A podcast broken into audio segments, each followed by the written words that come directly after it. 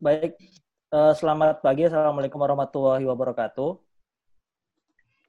Terima kasih Bapak Ibu sudah Waalaikumsalam warahmatullahi wabarakatuh di acara ini. Um, yang pertama saya ingin memperkenalkan diri terlebih dahulu. Uh, nama saya Umam atau kalau Bapak Ibu melihat di pamflet itu nama saya Ustadz Mangkualam. Itu nama lengkap saya dari lahir seperti itu. Tapi teman-teman dan para kolega biasa memanggil uh, saya Umam. Dan uh, selamat datang di acara webinar RJ Jateng yang bekerja sama dengan Akademi Kebudayaan uh, Akademi Kebudayaan Harapan Ibu Pekalongan yang terselenggara akibat uh, hasil dari kerjasama dari kedua institusi ini atau lembaga ini. Acara ini akan juga tersedia di aplikasi YouTube. Uh, mungkin sedang dipersiapkan oleh admin yang nanti juga akan live streaming. Uh, saya juga nanti akan memantau uh, peserta yang bergabung di YouTube. Sekaligus nanti akan coba saya uh, rangkum beberapa pertanyaan yang mungkin nanti uh, ditanyakan oleh para peserta di YouTube. Nah, uh, sebelum memulai acara, uh, saya coba cek di sini uh, para pemateri sudah bergabung. Kemudian ada beberapa peserta yang sekitar 10-11 orang yang ikut hadir dari peserta internal. Terima kasih sudah bersedia bergabung di acara webinar RJ Jateng bekerjasama dengan Akademi Kedika dan Harapan Ibu Pekalongan. Yang pertama yang perlu saya sampaikan adalah beberapa peraturan terkait dengan uh, acara ini harapannya uh, agar acara terselenggara dengan lancar tanpa kendala uh, satu dua hal. Yang pertama, uh, Bapak Ibu silakan mute speaker uh, Bapak Ibu di aplikasi Zoom, tapi dengan tetap uh, memperlihatkan uh, video biar kita bisa berkomunikasi karena nggak enak juga kalau uh, berkomunikasi melihatnya itu melihat gambar gitu jadi kayak tidak virtual jadi tidak kena. Nah kemudian sesi tanya jawab akan kami persilakan di akhir.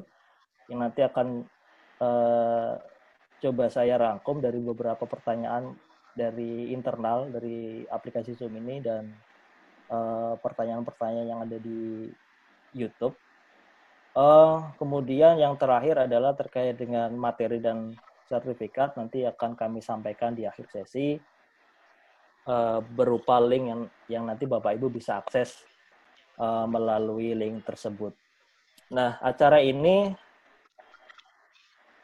uh, dimulai pukul 9 dan sambil menunggu peserta sampai 9.15 harusnya tapi uh, karena beberapa kendala jadi agak uh, molor beberapa menit tapi tidak masalah semoga tidak mengurangi esensi dari acara kita nanti di uh, bagian pemateri kemudian acara nanti akan disambung oleh sambutan dari Bu Ida Baroro selaku Direktur Aktif Harapan Ibu Pekalongan dan kemudian materi pertama nanti akan disampaikan oleh Pak Fahmi kemudian yang kedua akan disampaikan oleh Pak Faisal, yang terakhir ditutup oleh materi yang akan disampaikan oleh Pak Yoris. Yang terakhir uh, sesi tanya jawab.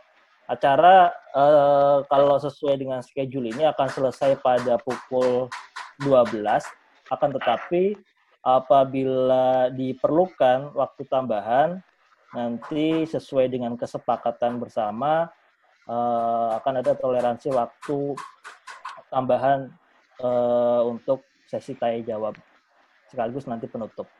Nah, uh, cara dari pertama nanti akan oleh ya.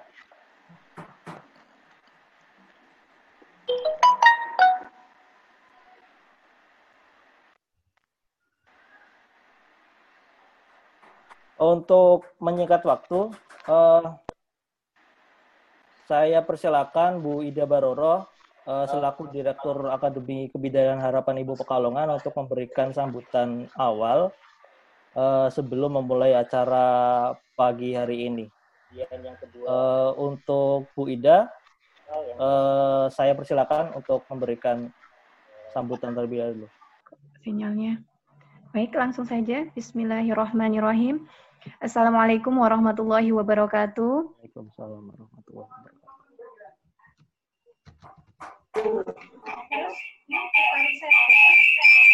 Yang terhormat Ketua RCI Jawa Tengah, Bapak Yoris Adi, dan segenap panitia webinar dari RCI Jawa Tengah dan LPPM Akbid Harapan Ibu Pekalongan. Yang terhormat para narasumber webinar, Bapak Fahmi Gunawan dari IAIN Kendari, Bapak Faisal Rizdianto dari IAIN Salatiga, yang terhormat seluruh peserta webinar yang berbahagia baik eksternal maupun internal. Syukur Alhamdulillah kami panjatkan kehadirat Allah Subhanahu wa Ta'ala atas berkah, rahmat, dan karunia-Nya sehingga pada hari ini dapat berkumpul bersama dalam acara webinar kerjasama antara LPPM Akbid Harapan Ibu Pekalongan dengan relawan Jurnal Indonesia Jawa Tengah dengan tema Jurnal Publishing Management. Sekali lagi terima kasih atas kerjasamanya Bapak Ibu. Dengan adanya kegiatan webinar ini, diharapkan dapat memberikan informasi yang jelas tentang publikasi artikel jurnal bagi dosen Akbid Harapan Ibu Pekalongan maupun peserta lainnya yang mengikuti webinar ini.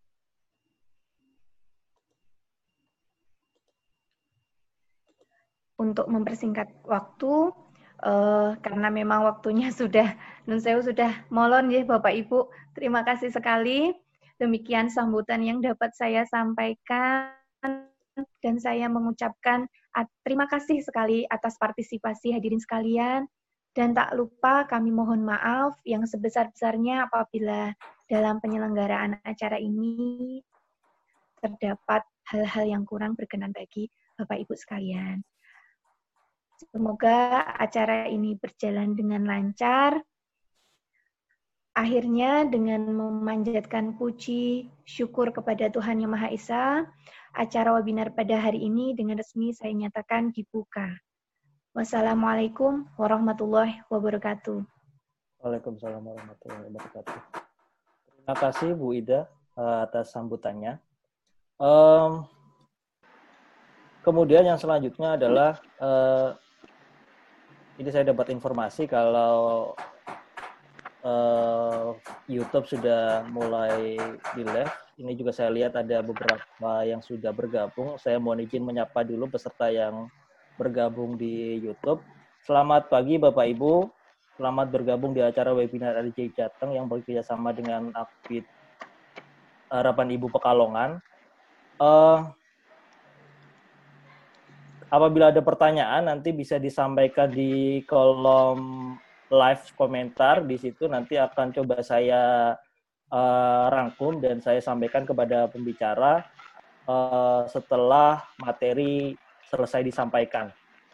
Baik, untuk mempersingkat waktu, saya coba perkenalkan terlebih dahulu beberapa atau ketiga pembicara yang nanti akan memberikan materinya. Yang pertama ada Pak Fahmi Gunawan, beliau adalah editor in chief dari Jurnal Langkawi.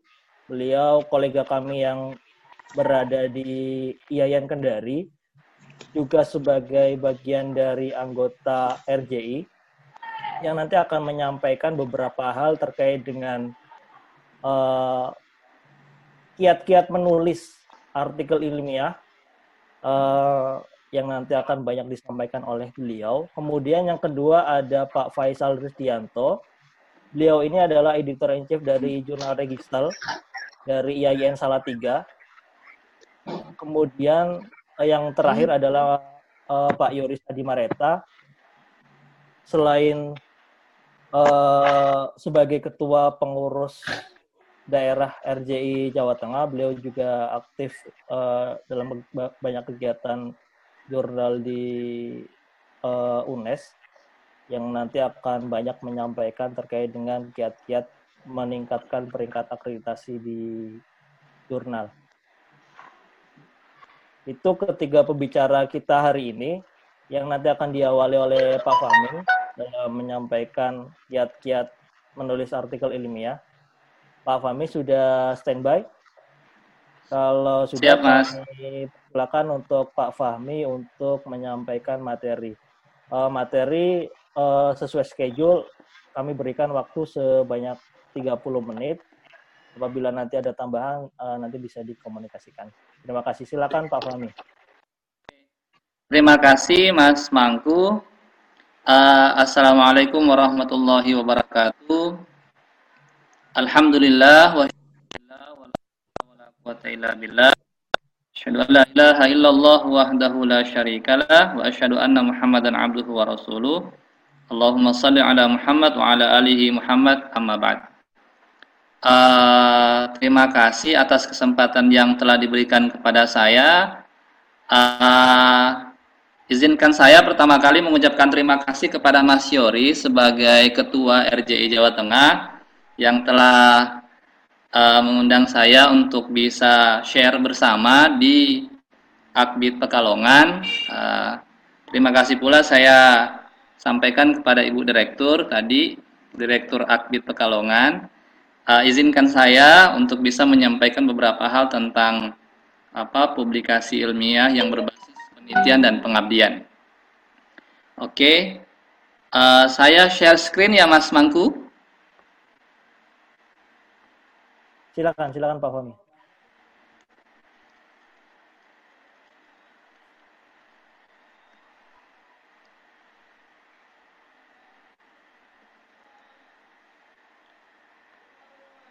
Oke, okay. uh, saya mulai dari ini. Bagaimana cara kita memulai sebuah um, uh, tulisan karya ilmiah? Bagaimana caranya? Nah, yang pertama adalah ini ada beberapa kiat dan itu berdasarkan pengalaman saya ketika misalnya saya mengurus jurnal Langkawi selama lima tahun dan menjadi reviewer baik nasional maupun internasional beberapa jurnal. Yang pertama adalah kita memang harus mulai dari hati. Artinya bahwa selama ini ketika misalnya kita nulis, baik itu sebuah penelitian yang nantinya akan dibuat sebagai artikel jurnal, itu biasanya Uh, yang pertama adalah sifat yang kepepet. Artinya bahwa ketika misalnya kita kepepet mau naik pangkat misalnya atau mungkin mau um, apa ada kebutuhan sesuatu di kampus misalnya uh, itu apa biasanya itu dalam kondisi kepepet itu otomatis mereka baru bisa nulis. Ah, artinya bahwa niat awal ketika misalnya nulis itu adalah niat pangkat. Entah misalnya nanti dari asisten ahli ke lektor, lektor ke lektor kepala, atau mungkin lektor kepala ke guru besar. Padahal sebenarnya ketika misalnya kita nulis, prinsip yang paling pertama adalah bagaimana caranya kita membagi pengetahuan kita kepada orang lain. Kita nulis dengan moralitas. Ah, kita nulis dengan ketika misalnya kita men-share pengetahuan kita kepada orang lain, tentunya itu kan juga nanti akan menjadi amal jariah buat kita. Kita memproduksi ide, kita kita memproduksi ilmu pengetahuan kan dan kita membagikannya kepada orang lain. Dan ini saya kira sesuai dengan visi RJI ya, relawan jurnal Indonesia yaitu uh, berbagi dan giatkan publikasi. Itu, itu yang pertama. Nah, dan yang kedua adalah uh, cara kita memulai adalah dengan melihat uh, apa template. Template itu adalah uh, format yang sudah diberikan oleh jurnal kepada kita supaya nanti kita bisa meniru. Nah, mengapa misalnya kita harus men mengetahui mengetahui jurnal sasaran kita? Karena uh, salah satu misalnya ditolak oleh pihak editor itu adalah tidak sesuainya tulisan kita dengan template tidak sesuai apa yang kita tulis dengan template. Ketika misalnya satu artikel misalnya masuk ke jurnal register misalnya dan dan uh, dan itu misalnya tidak sesuai dengan template, otomatis nanti Mas Mas Faisal langsung reject. Nah, kemudian di Langkawi juga begitu. Saya pikir semuanya seperti itu. Nah, dan yang ketiga adalah bagaimana caranya kita mulai itu, mulai menulis artikel itu dengan riset yang benar. Nah, riset yang benar ini ada beberapa parameternya, ada beberapa indikatornya. Yang keempat adalah caranya ya memang harus kita punya keteguhan hati. Biasanya pengalaman saya adalah ada beberapa kawan juga ketika misalnya nulis dan disubmit di satu jurnal, nah, kemudian ditolak Ah, setelah misalnya ditolak langsung hatinya kayak galau dan segala macam. Ya, padahal kalau misalnya kita nulis dalam sebuah uh, nulis artikel itu dan disabit di sebuah jurnal otomatis memang harus kita harus sabar, kita harus uh, teguh pendirian, kemudian memang harus ngotot begitu supaya apa? Paling tidak apa yang kita lakukan itu bisa tercapai. Yang kedua adalah mentorship, ya, ada mentorship juga. Jadi kalau misalnya nanti ada Bapak Ibu yang pengen nulis misalnya, carilah misalnya mentornya, ya. Kemudian uh, uh, mentor yang sebaya atau peer, peer ya, mentor yang sebaya yang bisa misalnya menjadi uh, uh, diskusi untuk kita. Selanjutnya adalah kita juga bisa memulai nulis itu dengan kolaborasi dengan penulis orang-orang yang berpengalaman. Jadi uh, apa lebih bagus ketika misalnya kita nulis itu kita berkolaborasi berkolaborasi dengan orang lain. Karena biasanya kan kalau misalnya nulis sendiri, ya idenya sendiri, ngedit sendiri, kemudian kalau misalnya ada ada hasil daripada reviewer misalnya, dan itu misalnya ada revisi mayor, otomatis kita bisa mereviewnya sendiri. Kalau misalnya kita berkolaborasi dengan teman-teman yang sudah berpengalaman, itu akan menjadi lebih baik. Jadi kawan-kawan semuanya, kalau misalnya uh, uh, kita bisa lihat kawan-kawan kita yang satu bidang, Misalnya di Akbid nih yang kebidanan uh, di Pekalongan, nanti kerjasama dengan teman-teman yang ada kebidanan di Kendari misalnya. Kemudian kalau misalnya uh, perawat yang ada di Pekalongan, nanti kerjasama di Salatiga, kerjasama di tempat-tempat yang lainnya. Bahkan itu bisa menaikkan juga uh, akreditasi jurnal dan nanti itu akan dijelaskan oleh Mas Yoris dan Mas Mas Faisal.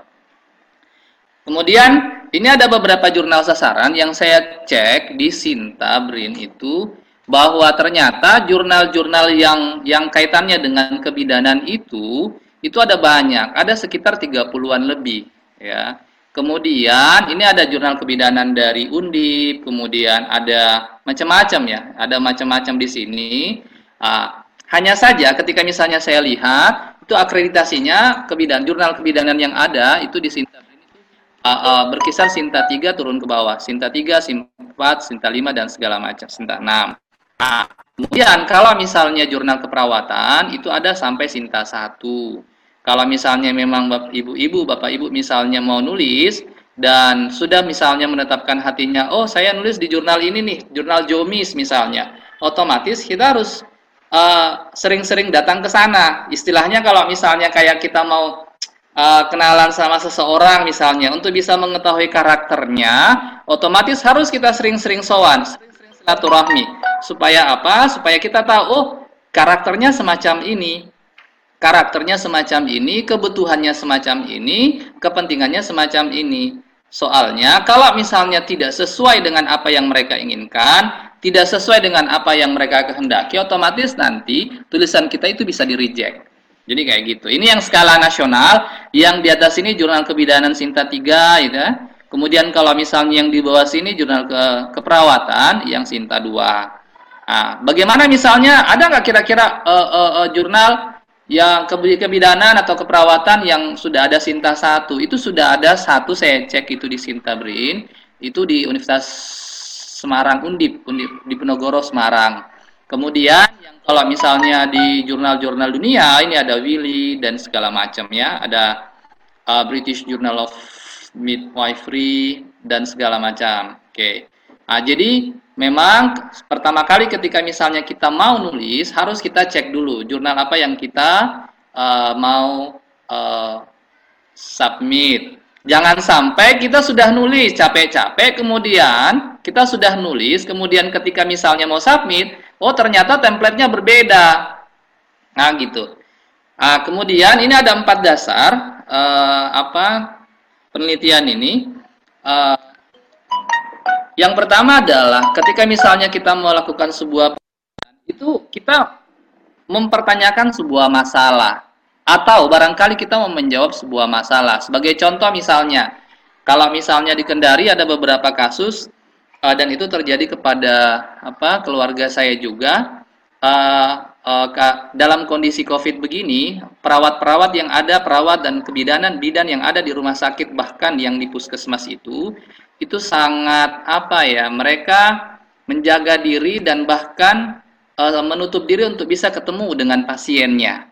Salah satu contoh ketika misalnya ada keluarga saya dibawa ke rumah sakit, itu beberapa rumah sakit nolak. Padahal orangnya sudah sekarat dan itu orang stroke. Sementara kenapa misalnya ditolak?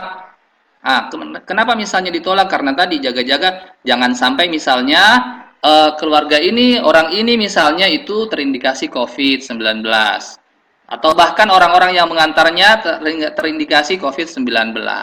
Jadi kita bisa dari situ kasus itu misalnya kita bisa mempertanyakan, ih, kenapa misalnya, mengapa misalnya orang-orang perawat itu sangat resisten misalnya dengan eh, pasien-pasien. Uh, nah, sementara pasien ini itu sudah apa ya, sudah sakit, kemudian uh, butuh pertolongan. Otomatis kalau misalnya secara logika itu bisa diteliti.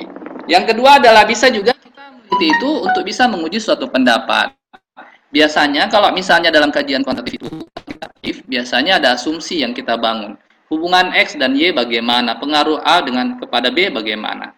Nah, kemudian kalau misalnya dalam penelitian kualitatif biasanya ada argumen.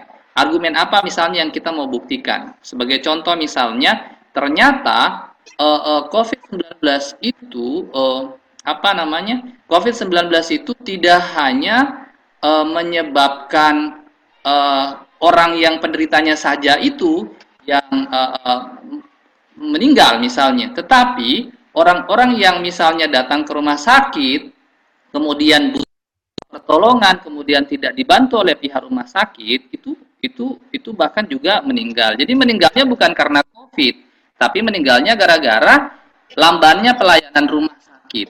Jadi kalau misalnya kita mau neliti misalnya itu bisa diuji juga apakah misalnya benar ya dan segala macam. Yang ketiga adalah kita bisa uh, apa memulainya dengan prosedur yang benar. Ah, yang paling banyak ketika misalnya kita nulis itu yang paling banyak dikomentari adalah bagian metode penelitian. Bagaimana sih pengumpulan datanya, bagaimana analisis datanya, objeknya apa, samplingnya apa dan segala macam.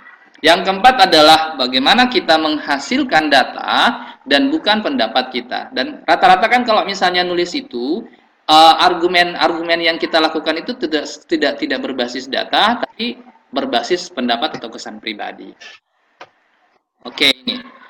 Ketika misalnya kita nulis, ini ada beberapa objek material yang barangkali kita bisa ambil misalnya. Apa saja misalnya? Ketika misalnya kita nulis, memang harusnya berawal dari sebuah fenomena. Uh, fenomena apa? Fenomena adalah sebuah kejadian yang terjadi kemudian itu sudah berlangsung lama, kemudian terus-menerus dan lama begitu. Nah, itu bisa macam-macam objek material yang kita bisa teliti. Bisa misalnya dari teks ya. Contoh misalnya kasus-kasus kematian uh, ibu hamil misalnya gara-gara Covid dan gara-gara uh, uh, tidak dilayani atau gara-gara tidak uh, apa mendapatkan pelayanan yang bagus dari pihak puskesmas misalnya. Tapi itu dalam teks. Oke, okay. uh, bisa teksnya teks surat kabar atau mungkin teks uh, uh, apa saja ya. Yang kedua adalah di sini ada juga objek materialnya adalah praktek, praktek-praktek yang terjadi. Contoh misalnya kayak tadi, praktek orang-orang yang ada di rumah sakit itu, praktek pelayan, praktek uh, uh, uh, pelayan rumah sakit dalam melayani e, pasien misalnya itu semacam apa. Karena misalnya ada beberapa kasus juga ternyata orang yang terna ter, apa yang terdampak COVID itu itu tidak dilayani dengan baik. Ada juga itu um, objek materialnya tokoh atau kelompok. Dalam sebuah penelitian disertasi, kawan saya dari Makassar itu meneliti satu kiai, ya, kiai yang ada di sebuah pesantren besar yang ada di Sulawesi Selatan satu orang saja yang dia teliti, tapi dari berbagai macam aspeknya. Atau bahkan misalnya kelompok masyarakat. Kelompok masyarakat agamawan misalnya, atau mungkin kelompok masyarakat eh, kesehatan misalnya yang melakukan demonstrasi. Demonstrasi bukan bukan seperti demonstrasi yang dilakukan oleh mahasiswa, tapi demonstrasi misalnya di satu tempat dan itu e, mengedukasi masyarakat betapa dahsyatnya COVID itu. Ya, ketika satu dua bulan yang lalu ya, itu kasusnya.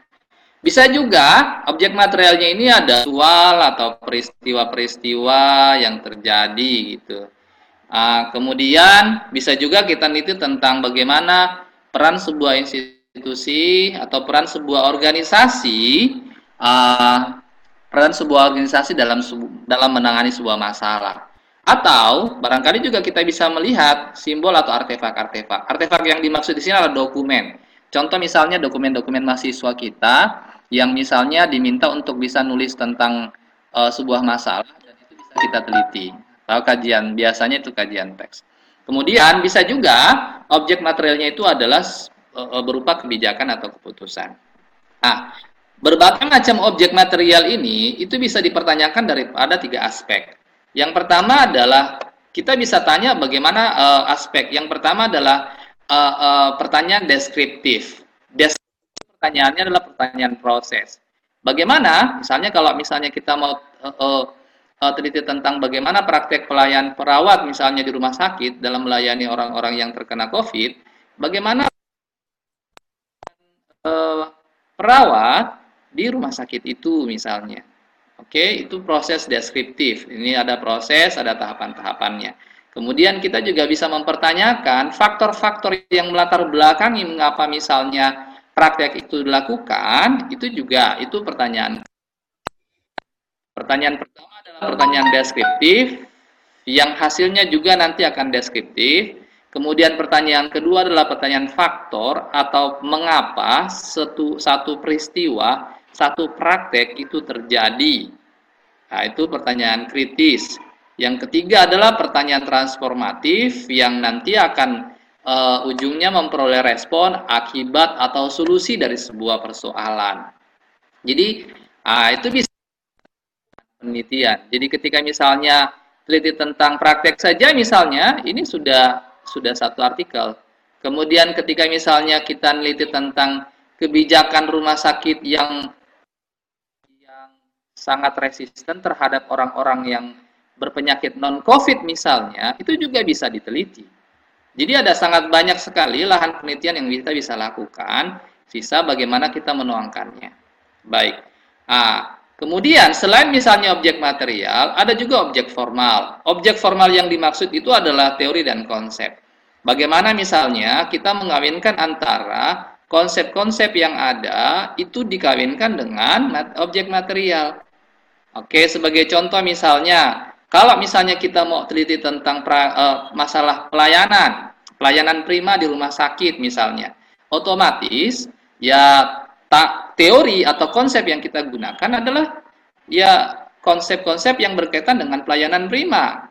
Oke, konsep teori-teori yang kita gunakan untuk uh, uh, yang berkaitan dengan pelayanan prima. Jadi kayak gitu. Jadi objek formal dikawinkan dengan objek material itu nanti Oke. Selanjutnya adalah bagaimana caranya supaya kita bisa tahu oh objek formal, objek material dan formil misalnya. Nah, ini kita bisa pakai sistem ATM. ATM itu yang dimaksud bukan ATM untuk narik-narik uang ya, tapi ATM di sini yang dimaksud adalah A ambil, T tiru, M modifikasi. Jadi ketika misalnya kita mau dan kemudian misalnya ya kita harus ini dulu sebagaimana yang tadi sudah sudah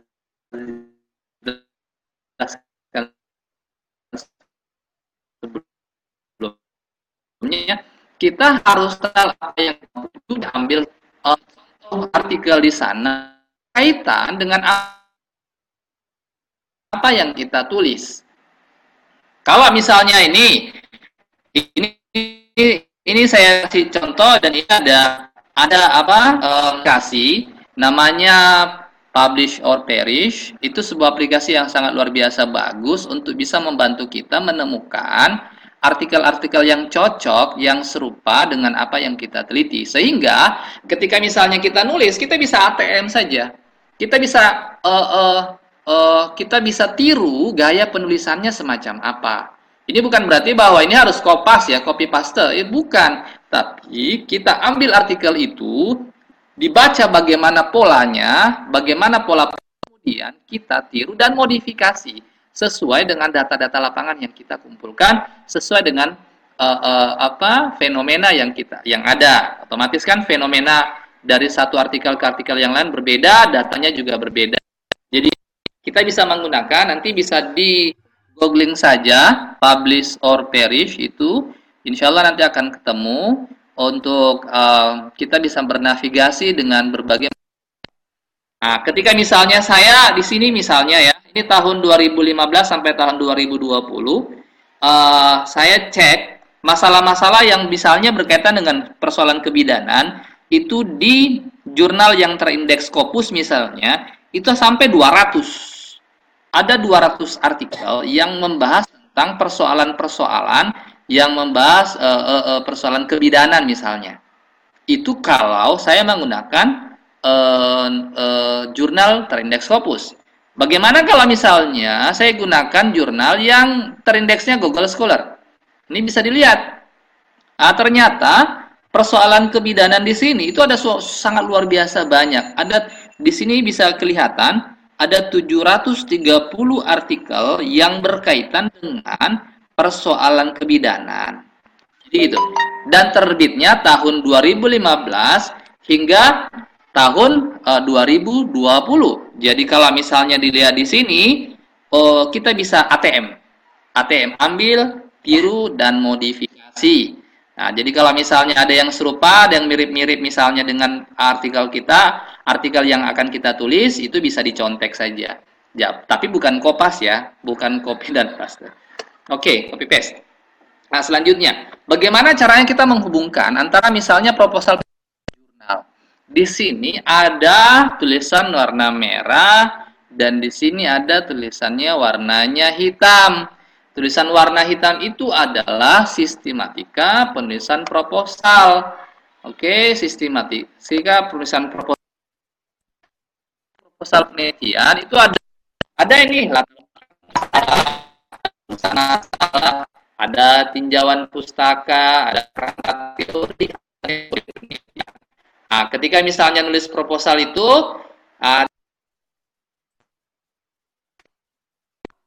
artikel jurnal cara nuang akan diturunkan salah di sini proposal misalnya pertanyaannya uh, eksplanatif kemudian pertanyaan ketiga misalnya nanti bisa dibawa ke result. Maka ini bisa tuh review. Itu literatur review itu kemudian menjadi discussion. Ketika di sini proposal sistematika metode penelitian turunnya nanti di metode jadi kerangkanya adalah hubungan antara proposal dengan artikel jurnal itu sangat luar biasa terikat. Jadi kalau misalnya kita mau membuat sebuah artikel jurnal yang baik, maka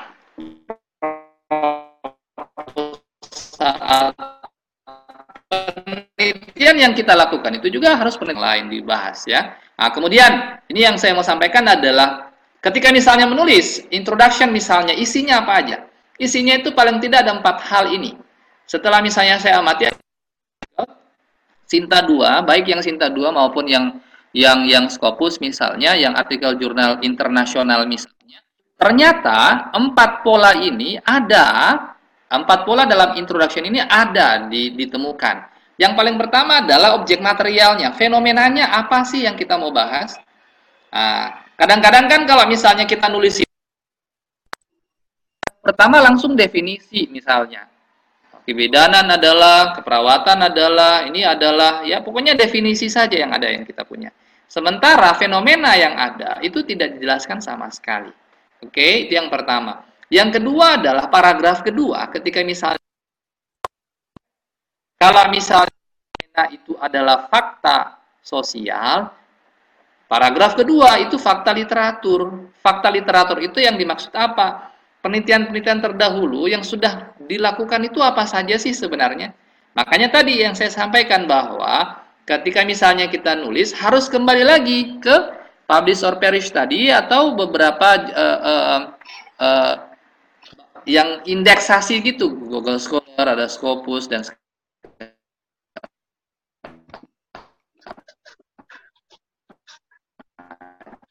Kenapa? Supaya kita bisa tahu, ah, itu sudah sampai ke sini. Ah, kemudian saya mau ngisi ruang kosong yang memang belum ada sama sekali dibahas oleh penelitian-penelitian sebelumnya. Itulah gapnya. Gap ruang kosong yang memang belum diteliti oleh orang lain. Bagaimana cara mengetahuinya? Ya memang harus banyak baca. Baca, baca dan baca. Karena misalnya tidak baca ya kita tidak akan pernah tahu bagaimana gap, bagaimana ruang kosong yang yang akan kita isi misalnya. Ah, paragraf ketiga ini adalah tujuan tulisan. Setelah misalnya kita mengetahui bahwa oh kecenderungan yang dilakukan ya uh, uh, ketika misalnya membahas COVID misalnya dengan ibu hamil, kecenderungannya ada tiga macam misalnya. Kemudian yang paragraf ketiga kita bisa melengkapi bahwa oh penelitian ini bertujuan untuk melengkapi uh, penelitian-penelitian sebelumnya yang belum dibahas sama sekali. Itu tujuan. Yang keempat dan yang ini uh, tampaknya memang uh, khas tulisan di jurnal-jurnal internasional itu ada hipotesis atau ada asumsi. Jangan kira bahwa studi-studi kuantitatif saja yang ada hipotesisnya, tetapi uh, studi kualitatif juga itu juga bagus kalau dijadikan asumsi. Asumsi yang dimaksud di situ adalah kesimpulan awal kita terhadap sebuah persoalan. Nah, yang kedua adalah ini waktunya masih ada ya Mas? Atau udah habis? Masih ada sampai 10.15 Pak Fahmi. Oke, saya lanjut ya. Ya, silakan. Baik. Setelah misalnya kita menulis introduction, ya jadi introduction itu jangan banyak-banyak. Cukup empat paragraf saja. Paragraf pertama tentang fenomena atau fakta sosial. Paragraf kedua tentang fakta literatur literatur-literatur apa saja yang sudah dilakukan. Yang ketiga adalah tujuan. Paragraf keempat adalah argumen atau asumsi ya, argumen-argumen yang kita mau buktikan. Nah, selanjutnya setelah misalnya kita menulis misalnya introduction ini, kita langkah ke literatur review. Ini barangkali ya supaya jelas. Ini fakta sosial. Jadi, ketika misalnya alur pikirnya ya, ketika misalnya kita nulis ini fakta-fakta sosial yang ada di introduction itu akan kaitannya erat kaitannya dengan metode. Ketika misalnya uh, uh, di sini ya, COVID tidak hanya menjadi masalah kesehatan, tapi juga menjadi masalah psikologis yang tampak pada keresahan sosial yang sungguh meluas. Kondisi psikologis buruk mempengaruhi imunitas tubuh. Introduction di sini itu kaitannya dengan metode. Jadi ketika misalnya kita nulis, ya berkaitan dengan menulis metode misalnya itu bisa dikaitkan dengan fakta sosial yang ada di paragraf 1. Ya, kalau misalnya bahasa sekarang itu positioningnya adalah di desain, desain penelitiannya kita apa, atau disebut juga dengan metode penelitian. Dalam metode berapa macam? Jadi ada lima hal yang dibahas dalam metode. Yang pertama adalah objeknya apa, kemudian jenis penelitiannya apa saja, kemudian datanya semacam apa, kemudian uh, uh, sumber informasinya, teknik pengumpulan data dan analisis data. Yang kedua, fakta literatur. Uh, sejauh ini, kalau misalnya di sini, sejauh ini studi tentang COVID misalnya hanya mengkaji dua hal. Pertama adalah akibat ekonomi dan evaluasi kinerja dalam penanggulangan akibat uh, uh, psikologis belum diperhatikan. Jadi jadi ketika misalnya kita nulis fakta literatur ini bagus memang uh, sesuai pengalaman saya bukan hanya memang kita harus banyak baca, tapi bagus kalau kita menggunakan aplikasi. Aplikasi yang di, di, disarankan itu literatur terdahulu, literatur review itu uh, Fast Viewer. Jadi dua hal. Jadi yang pertama adalah publish or perish. Publish or perish itu untuk bisa mendapatkan artikel-artikel yang berkualitas. Yang kedua adalah untuk bisa melakukan pemetaan atau fakta literatur ini untuk bisa mengetahui bagaimana kecenderungan sebuah tulisan itu bisa menggunakan aplikasi Force Viewer. Ah, kemudian alhamdulillah dan aplikasi Publish or Perish itu itu terhubung langsung dengan Mendeley.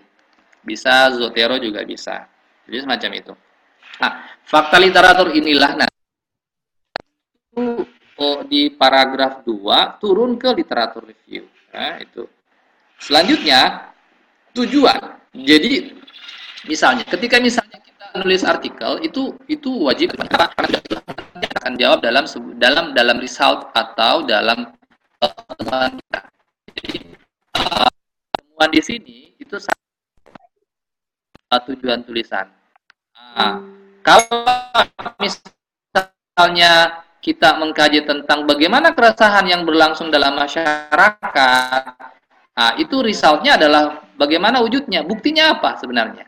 Jadi result itu atau temuan itu kaitannya dengan bukti. Nah, yang kedua adalah jika misalnya tujuan tulisannya bagaimana keresahan itu mempengaruhi imunitas, hubungan keresahan kita buktikan. Dan tentunya dengan data-data yang kita peroleh. Yang ketiga adalah bagaimana hubungan imunitas dengan kematian. Apakah memang benar kalau misalnya orang meninggal itu hanya gara-gara persoalan imunitas adalah uh, uh, imunitas itu telah menyebabkan kematian. Buktinya apa? Uh, jadi result itu temuan itu adalah bukti-bukti uh, bukti tulisan. Selanjutnya, di paragraf 4 di kita nulis argumen. Argumennya apa sih sebenarnya? Hanya saja memang kalau misalnya di jurnal-jurnal nasional Sinta 2 itu agak jarang uh, menggunakan argumen. Agak jarang paling banyak adalah hanya uh, paragraf 1, 2, dan 3. Itu. Hanya saja ketika misalnya masuk ke jurnal internasional, ternyata argumen itu juga ada ya. Nah, ini di itu sebab dari sebuah keresahan sosial keresahan menurunkan imunitas tubuh. Kenapa? Karena ya kematian akibat imunitas yang rendah. Jadi dia uh, uh, uh, argumennya adalah itu orang meninggal bukan gara-gara COVID sebenarnya. Orang meninggal itu gara-gara stres. Jadi itulah nanti yang didiskusikan ya ini tingkat hasil penelitian. Argumen itulah nanti ini selanjutnya kesimpulan. Jadi dengan yang lain-lainnya itu sangat luar biasa berbeda. Dan bahwa ketika misalnya kita submit artikel itu, mengapa misalnya yang masuk dalam sebuah jurnal ya misalnya di itu di Malaysia ternyata dalam setiap hari itu ada 3 sampai 4 kalau 30 hari berarti ada 100. Bagaimana? Hanya saja. Karena kenapa? Ketika misalnya production ini mohon izin suaranya putus-putus Pak Fami. Oh baik baik. Nah, ketika misalnya kita Mas Mangku udah dengar? Halo? Ya, sudah sudah sudah sudah sudah. Sudah ya. Oke. Ketika misalnya nulis dari paragraf 1 sampai paragraf 4 dan semuanya mencakup ini semua, insya Allah itu akan menjadi sebuah artikel yang baik. Uh, Oke, okay, saya kira gitu aja apa yang dapat saya sampaikan. Mohon maaf atas kekurangannya. Saya kembalikan kepada Mas Maku. Ya, Silakan Mas. Terima kasih Pak Fami atas uh, penyampaian materinya. Jadi kalau boleh saya rangkum, ada beberapa hal poin penting yang bisa Bapak Ibu perhatikan. Yang pertama terkait dengan kira-kira apa sih dasar penelitian dan bagaimana kemudian uh, objek material dan objek formal dielaborasi uh, membentuk sebuah uh, artikel yang baik.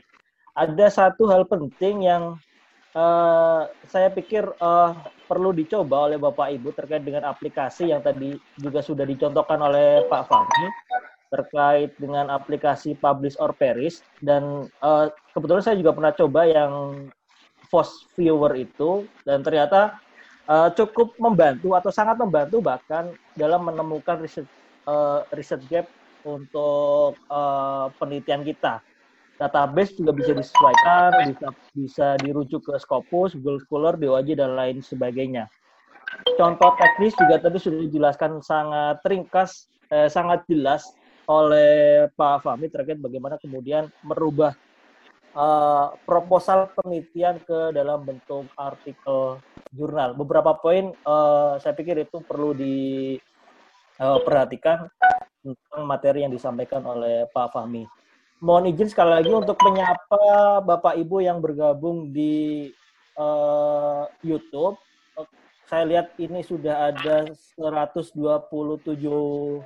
orang yang melihat streaming melalui YouTube. Selamat pagi menjelang siang Bapak Ibu yang ada di uh, streaming YouTube.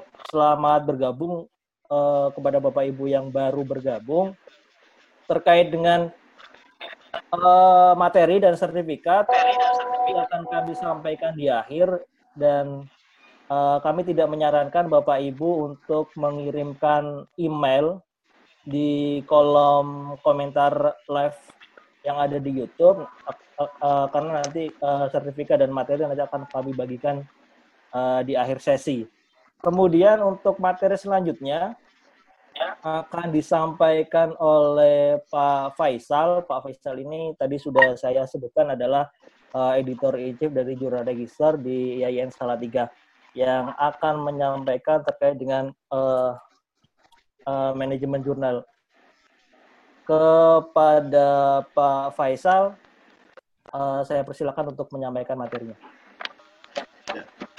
Terima kasih Mas Mangku Alam, Mas Umam atas waktunya. Saya ya. terima kasih juga pada Pak Yoris yang telah memberi kesempatan dan juga Ibu Direktur uh, Akademi Kebidanan Harapan Ibu Pekalongan.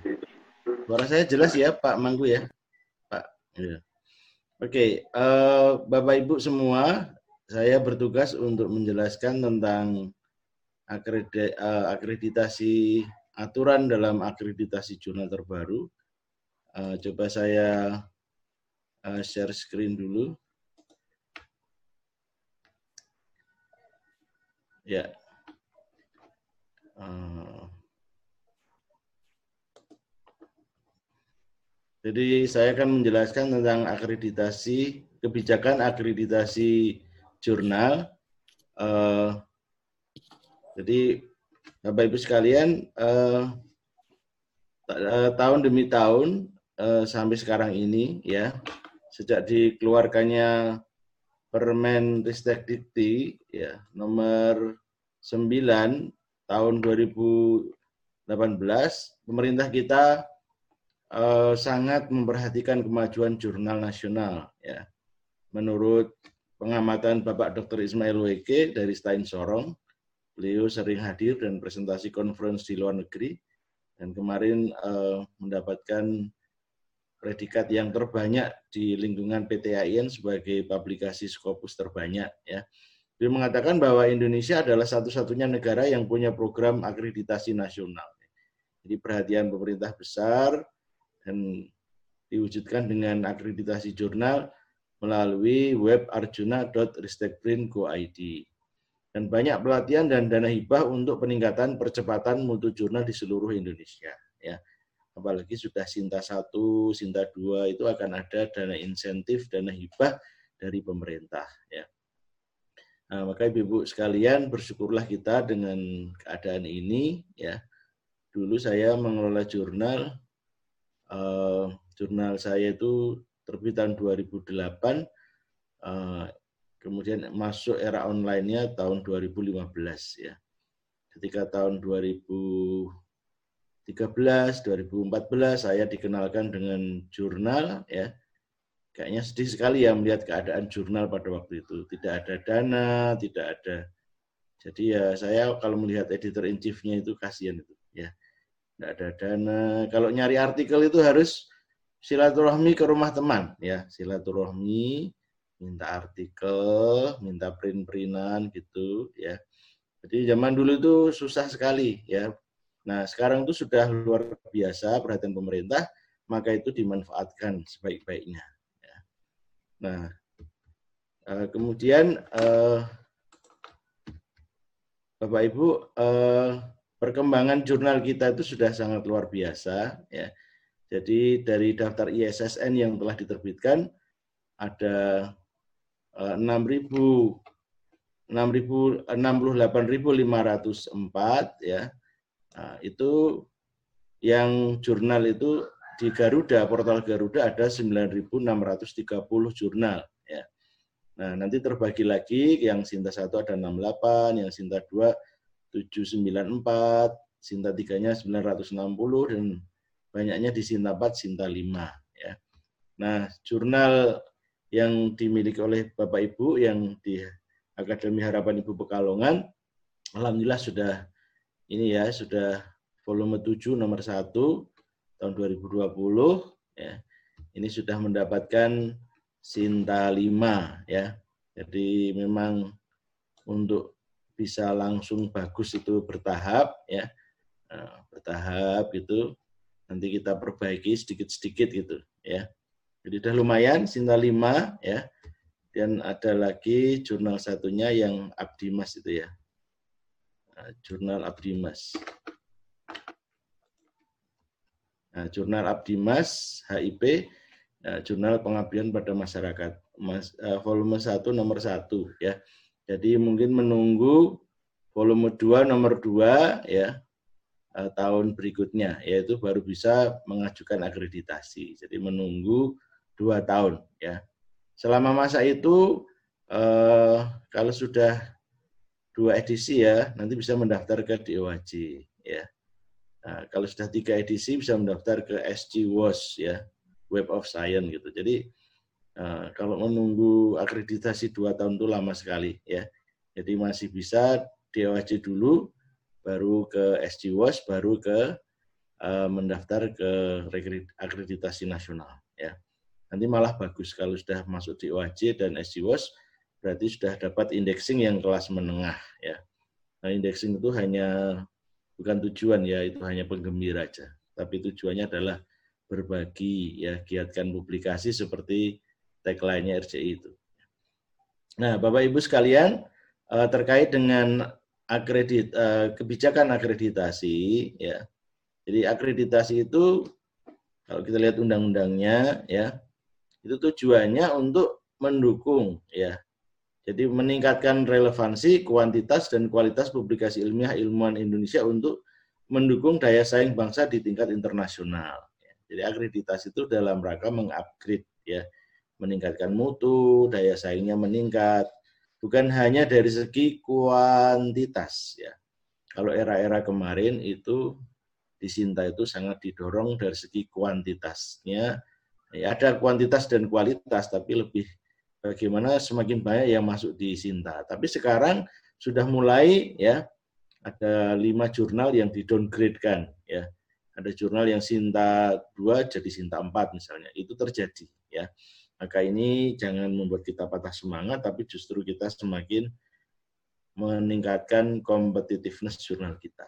Nah, jadi tujuan akreditasi meningkatkan mutu dan relevansi jurnal ilmiah, kemudian daya saing Indonesia baik di tingkat ASEAN ya inginnya mengalahkan Singapura, Malaysia ya, Thailand ya, tapi juga di tingkat yang internasional. Oke, Bapak Ibu, eh, di pasal 1 disebutkan jurnal ilmiah adalah bentuk pemberitaan atau komunikasi yang memuat karya ilmiah ya. ya. Jadi artinya jurnal ilmiah itu memiliki kadar ya seperti yang disampaikan Mas Fahmi tadi ada novelty-nya, research gap-nya, ada uh, kontribusi teorinya ya. Jadi bukan sekedar analisis tetapi memang melihat previous research-nya seperti apa dan ada kebaruannya. Dan akreditasi adalah kegiatan penilaian untuk penjaminan mutu jurnal ilmiah melalui kewajaran penyaringan naskah, kelayakan pengelolaan, dan ketepatan waktu penerbitan jurnal ilmiah. Ya. Nah ini adalah tantangan terbesar bagi pengelola jurnal untuk betul-betul menyediakan peer review ya.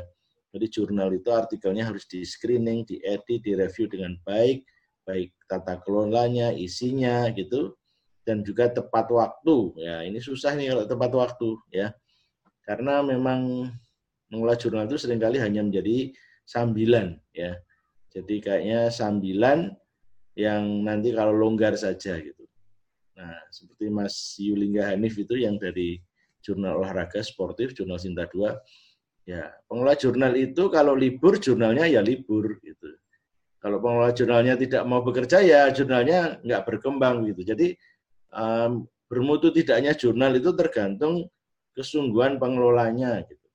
Kalau Pak Yoris Adi Marita pernah menyampaikan di kampus kami, kalau jadi mulai jurnal ya harus 100%. Ya. Jadi orang itu yang 100%. Atau tidak sama sekali.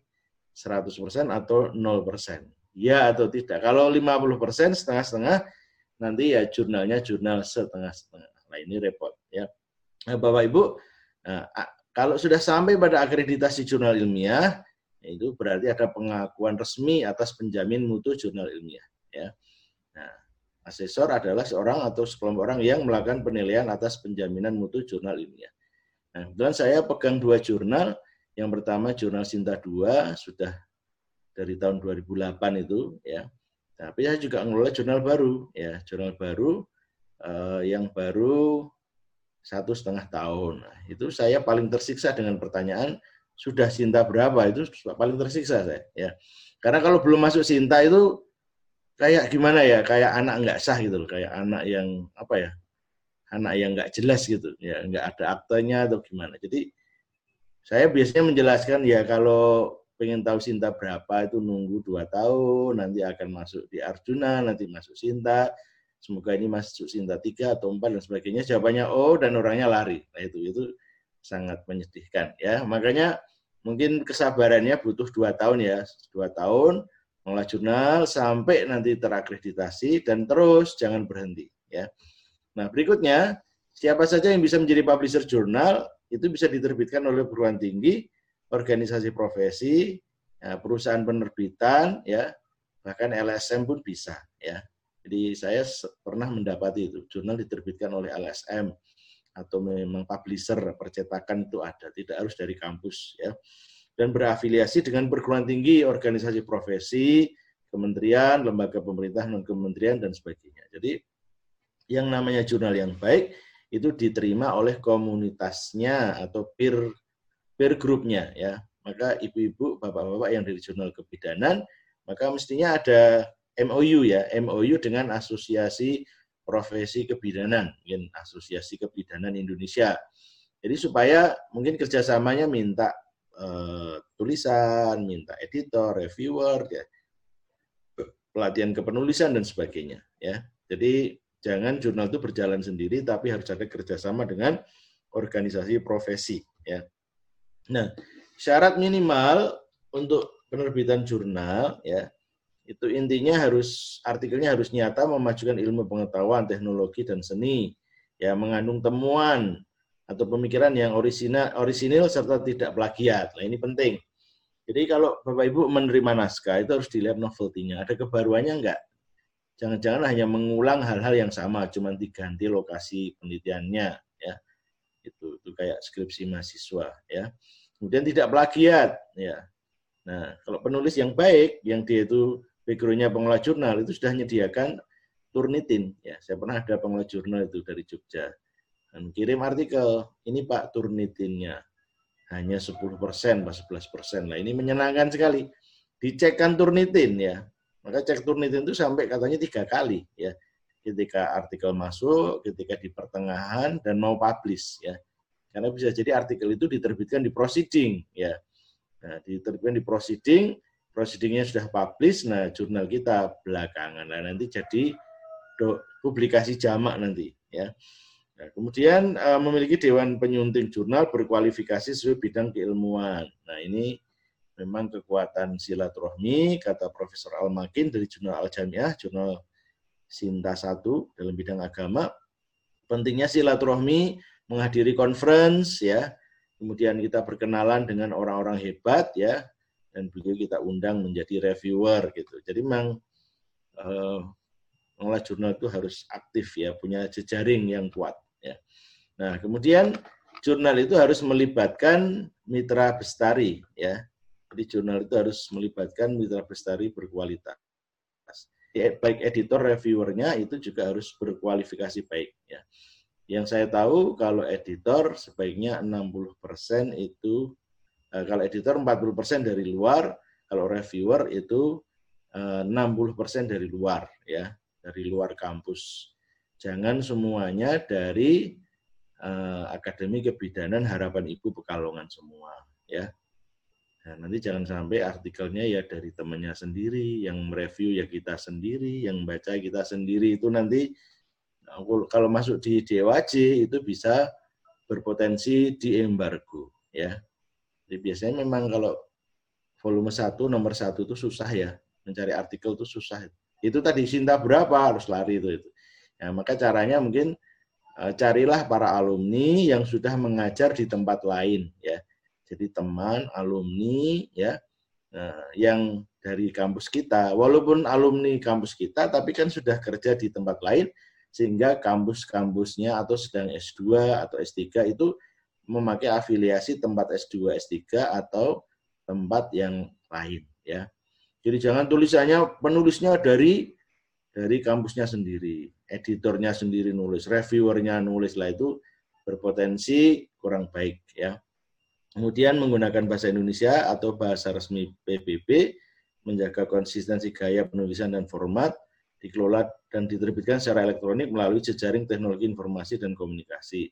Terbit sesuai jadwal, punya punya EISSN. Jadi kalau jurnal baru itu, jurnal saya yang GOPR itu hanya EISSN. Jadi paradigmanya kami sudah tidak cetak lagi ya dan punya DOI. Nah DOI itu uh, berlangganan di RCI bisa, di luar pun bisa ya. Oke, uh, berikutnya Bapak Ibu uh,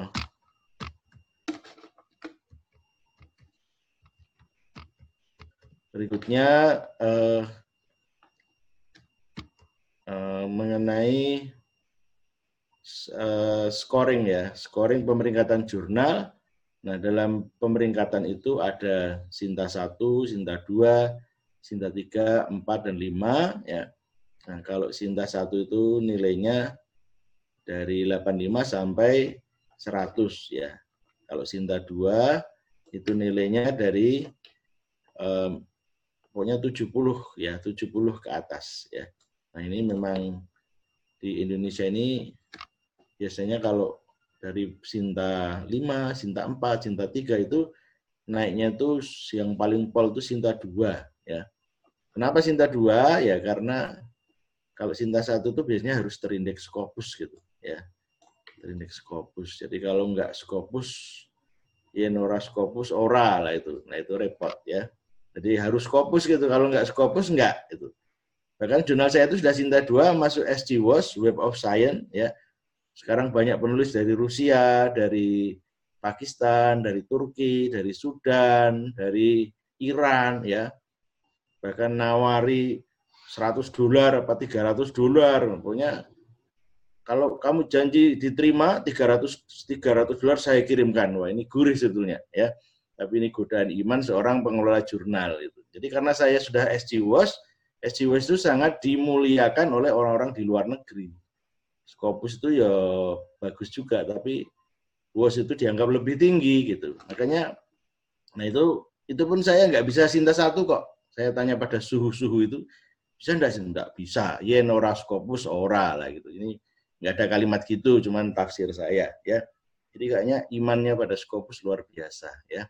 Oke, Bapak Ibu, uh, itu sekali lagi indexing itu hanya bonus, jadi jangan jadi persoalan ya. Yang penting kan berbagi, ya ikhlas beramal. Oke, berikutnya Bapak Ibu, uh, uh, Bentar, ini agak. Uh, dalam uh, akreditasi itu uh, dalam dalam pengelolaan jurnal itu ada namanya uh, standar mutu jurnal ya. Jadi dalam pengelolaan ini kita harus memperhatikan ya. Jadi sekian banyak jurnal yang ada ya itu ada penilaian-penilaian semacam ini ya. Jadi ini penting barangkali nanti diperjelas oleh Pak Yoris yang ahli dalam hal ini. Jadi ini ada angka-angkanya ya. Penamaan terbitan berkala ilmiah, kelembagaan penerbit, penyuntingan dan manajemen. Ini skor-skor yang terbanyak itu adalah penyuntingan dan manajemen pengelolaan terbitan itu 17 poinnya. Nah, yang terbanyak itu substansi artikel, kemudian gaya penulisan gitu ya. Ya, antara tata kelola dengan konten sebetulnya lebih banyak kontennya ya. Nah, kalau kita ini sering kadang tampilan webnya bagus ya, tapi kontennya kurang. Nah, ini yang menyebabkan naik peringkatnya susah ya. Nah, maka Bapak Ibu kita perhatikan ya. Jadi standar mutu jurnal itu dilihat seperti itu. Dan mencoba indeksasi ya. Jadi saya sarankan pada jurnal ibu-ibu dari Bapak Ibu dari jurnal kebidanan cobalah ke DOAJ, ke SGWOS ya, dengan syarat-syarat tadi. Kalau DOAJ mungkin satu atau dua edisi ya, nanti dijelaskan oleh Pak Yoris itu. Ada yang bilang satu edisi boleh, tapi kok saya perhatikan mestinya satu tahun ya. ya jadi satu tahun dua edisi itu dilihat. Oke, Bapak Ibu semua, eh,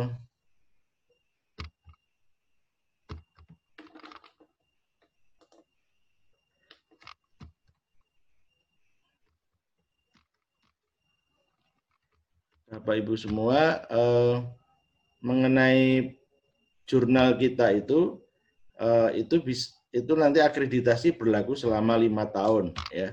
Selama lima tahun.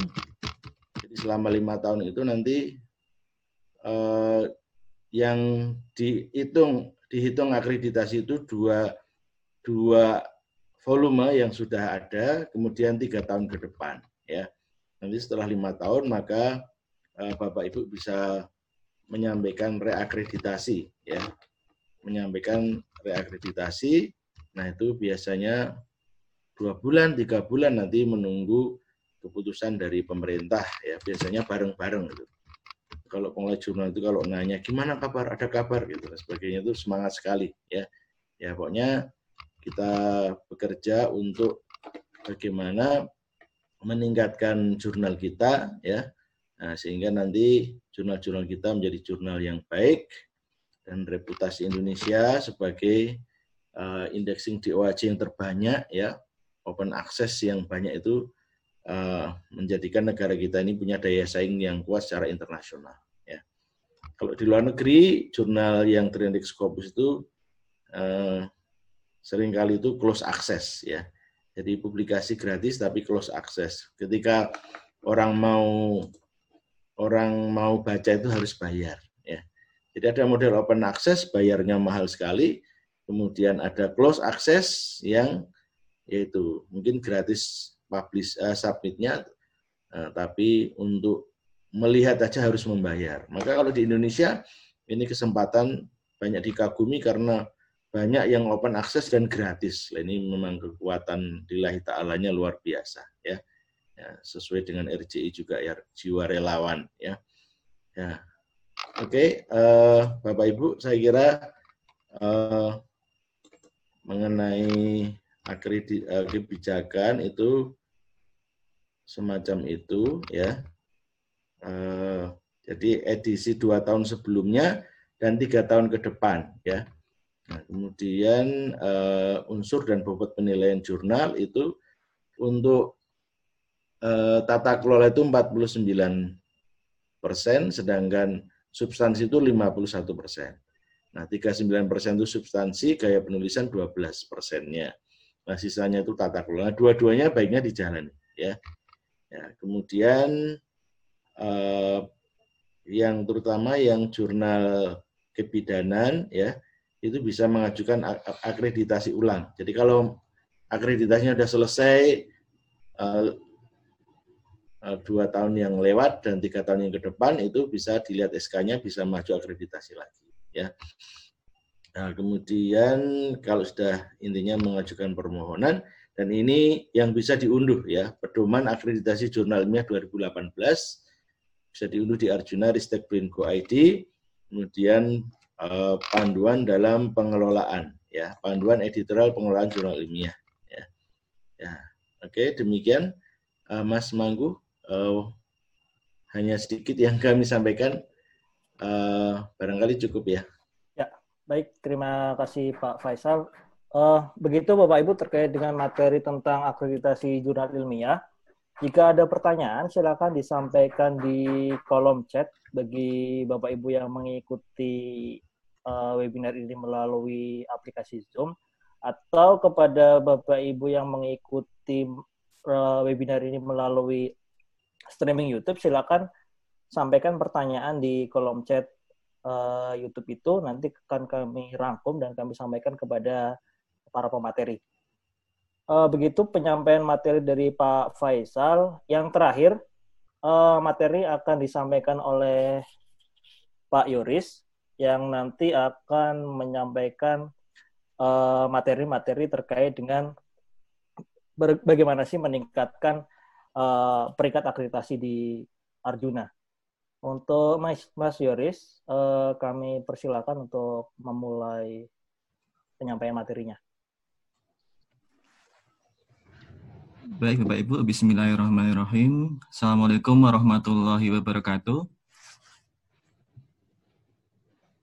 Bisa mendengar suara saya, Mas Umam? Bisa, Mas. Bisa, ya? Bapak. Bisa.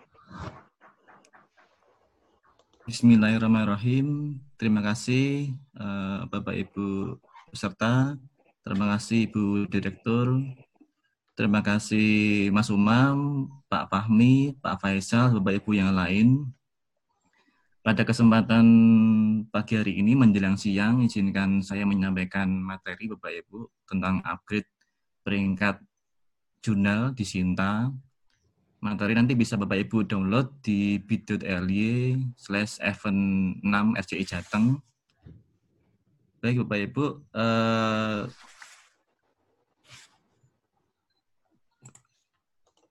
langsung kita next. Sebelum Bapak Ibu eh, mulai untuk mengajukan atau upgrade akreditasi, Bapak Ibu silahkan bisa membaca tentang mekanisme kemudian peraturan yang sudah, sudah disampaikan oleh Pak Faisal tadi, kemudian eh, pedoman akreditasi, panduan akreditasi, dan panduan editorial. Nah ini berupa link Bapak Ibu ya, nanti Bapak Ibu yang ada di Zoom maupun di YouTube bisa langsung diklik linknya seperti itu. Kemudian saat ini kondisi sekarang ada penerian Bapak Ibu untuk kategori di jurnal di Sinta. Jadi misal contoh Sinta 6 itu nilai akreditasinya 30 sampai 40, Sinta 5 40 sampai 50, Sinta 4 itu 50 sampai 60, Sinta 3 60 sampai 70, Sinta 2 70 sampai 85, Sinta 1 85 sampai 100 nilai akreditasi itu adalah nilai akhir dari asesor Bapak Ibu, seperti itu.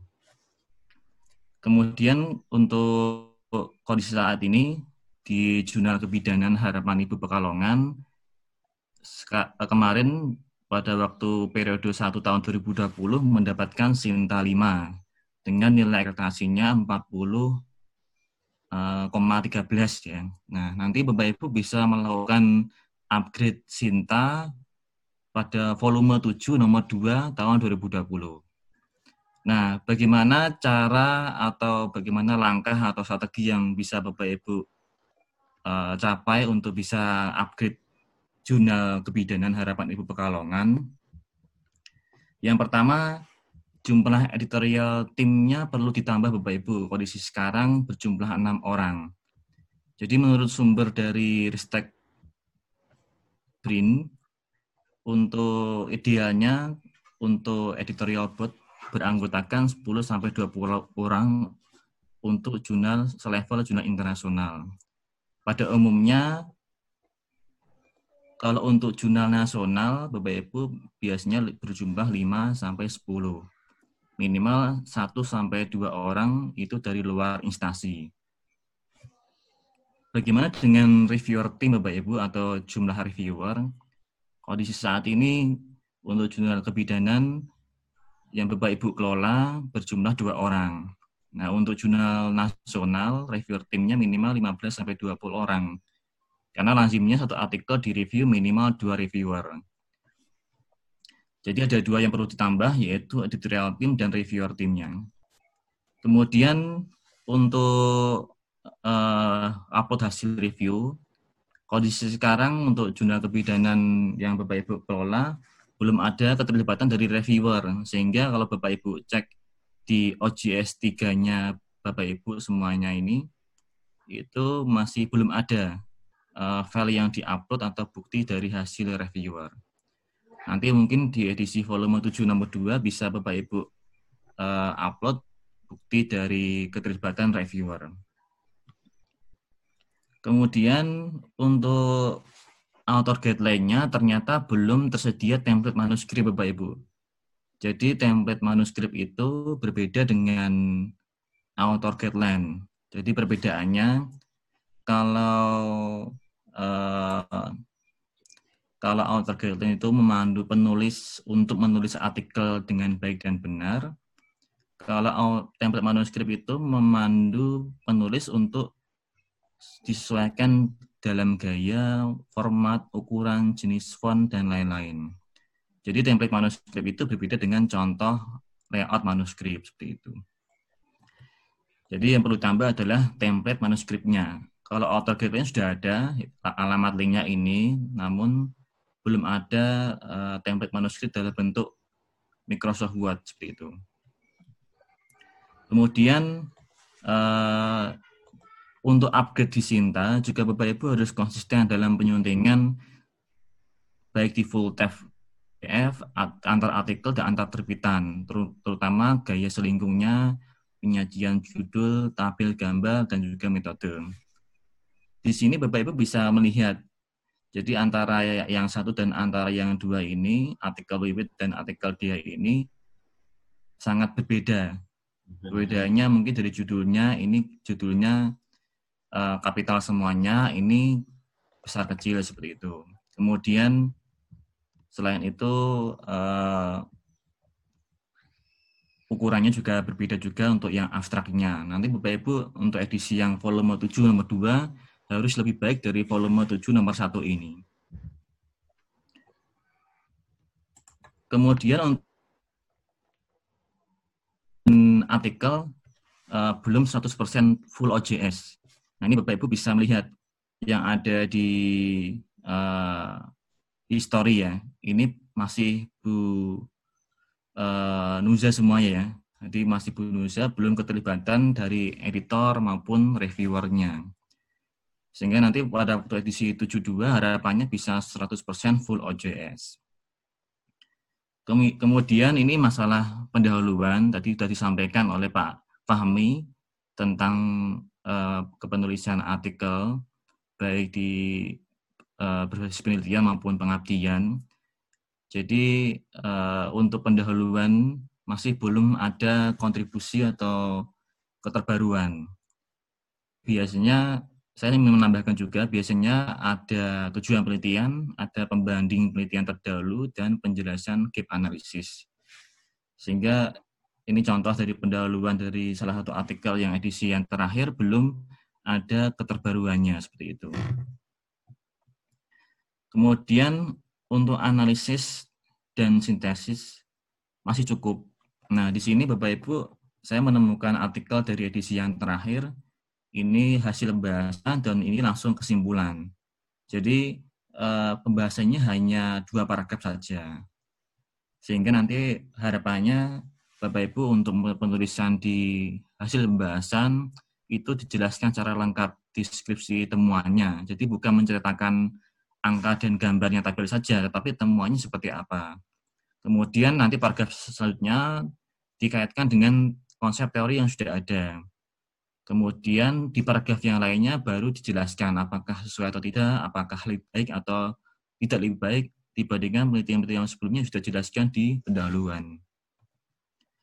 Untuk simpulan tergolong cukup Bapak Ibu karena saya menemukan kesimpulannya uh, di sini masih berupa numbering. Jadi kesimpulan itu harus cukup menjawab tujuan penelitian dan hipotesis. Selain itu juga ditunjang oleh data hasil penelitian yang cukup.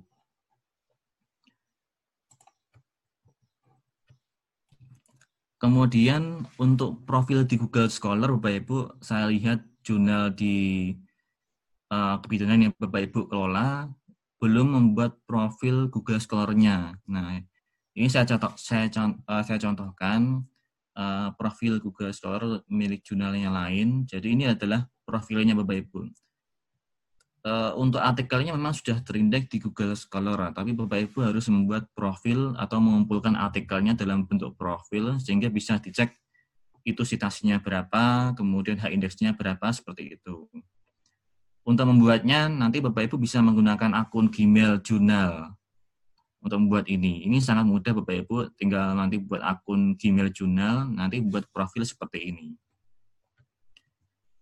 Kemudian untuk daftar pustaka, usahakan nanti di edisi volume 7 nomor 2 tahun 2020 ini sumber primer. Primer ini dari jurnal, dari proceeding, dan juga 10 tahun terakhir. Ini saya cek Bapak Ibu, jurnal-jurnalnya di sini uh, selain tadi harus primer, juga harus stylenya Bapak Ibu. Ini mohon maaf, ini saya sedikit uh, mengoreksi jadi misal di sini sebenarnya menggunakan dalam kurung ya. Di sini dalam kurung, dalam kurung, dalam kurung ternyata yang di artikelnya lain belum dalam kurung. Nah, seperti ini. Ini juga sama di artikel yang sama malahan, di artikel yang sama ini dalam kurung, ternyata ini tidak dalam kurung. Nah, hal ini menjadi perhatian untuk para asesor jurnal Bapak Ibu kalau Bapak Ibu menginginkan jurnalnya ke naik ke Sinta 4, 3 seperti itu. Jadi Bapak Ibu untuk edisi yang 7 volume 2 nanti ke depan harus diperbaiki lagi. Kalau untuk edisi-edisi lama tidak perlu Bapak Ibu perbaiki. Yang diperbaiki adalah edisi yang akan datang saja. Kemudian untuk judul judulnya baiknya tempat penelitian dihapus Bapak Ibu karena nanti akan dijelaskan di dalam penelitian. Sehingga judulnya harus Bapak Ibu sepakati berapa jumlah katanya seperti itu agar tidak panjang.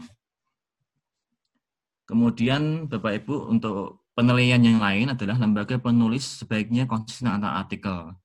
Di sini eh, saya cek Bapak Ibu tidak konsisten dalam penulisan artikelnya.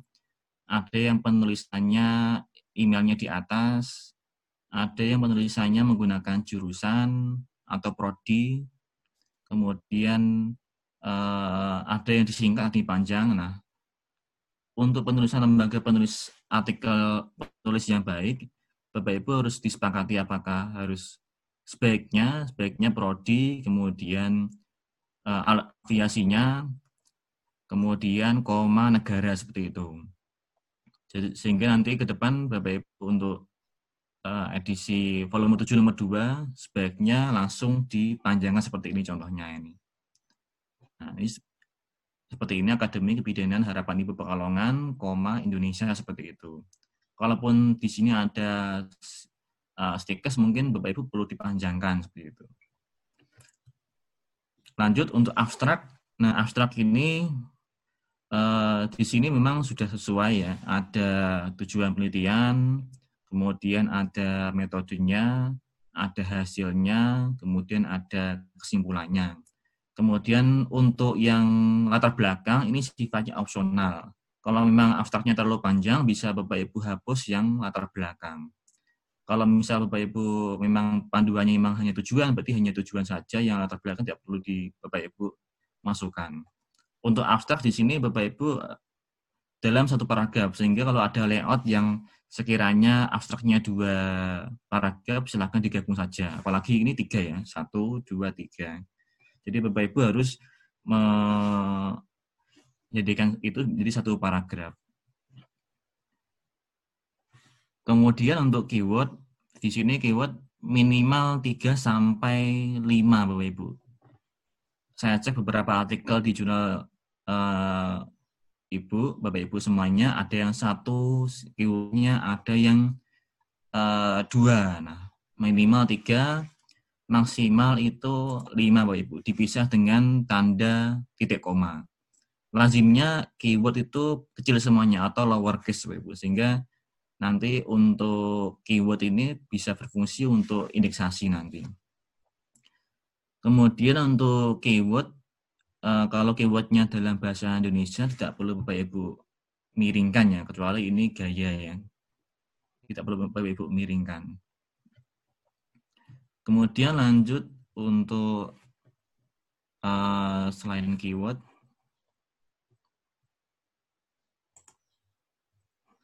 Nah, untuk pembababan, jadi sistematika pembababan juga Bapak Ibu harus pastikan konsisten. Ini yang belum konsisten adalah penulisan dalam simpulan. Contoh di sini ada kata simpulan, di artikel ini ada kata kesimpulan. Nah, ini Bapak Ibu harus dipastikan konsisten dulu. Harapannya nanti edisi 72, 7 volume 7 nomor 2 nanti Bapak Ibu hal-hal yang seperti ini bisa Bapak Ibu cermati seperti itu agar tidak terulang kembali pada edisi yang akan datang. Kemudian keterangan tabel dan gambar. Sebagian besar artikel di volume 7 nomor 1 ini belum uh, ada uh, keterangan tabel dan gambar. Seperti ini contohnya belum ada keterangan tabel dan gambar, kemudian ini juga belum ada, ini juga belum ada. Ini sudah ada tapi uh, namun di sini ada tulisan tabel 1.3. Nah, ini uh, belum diedit secara maksimal. Harusnya kan tabel satu seperti itu.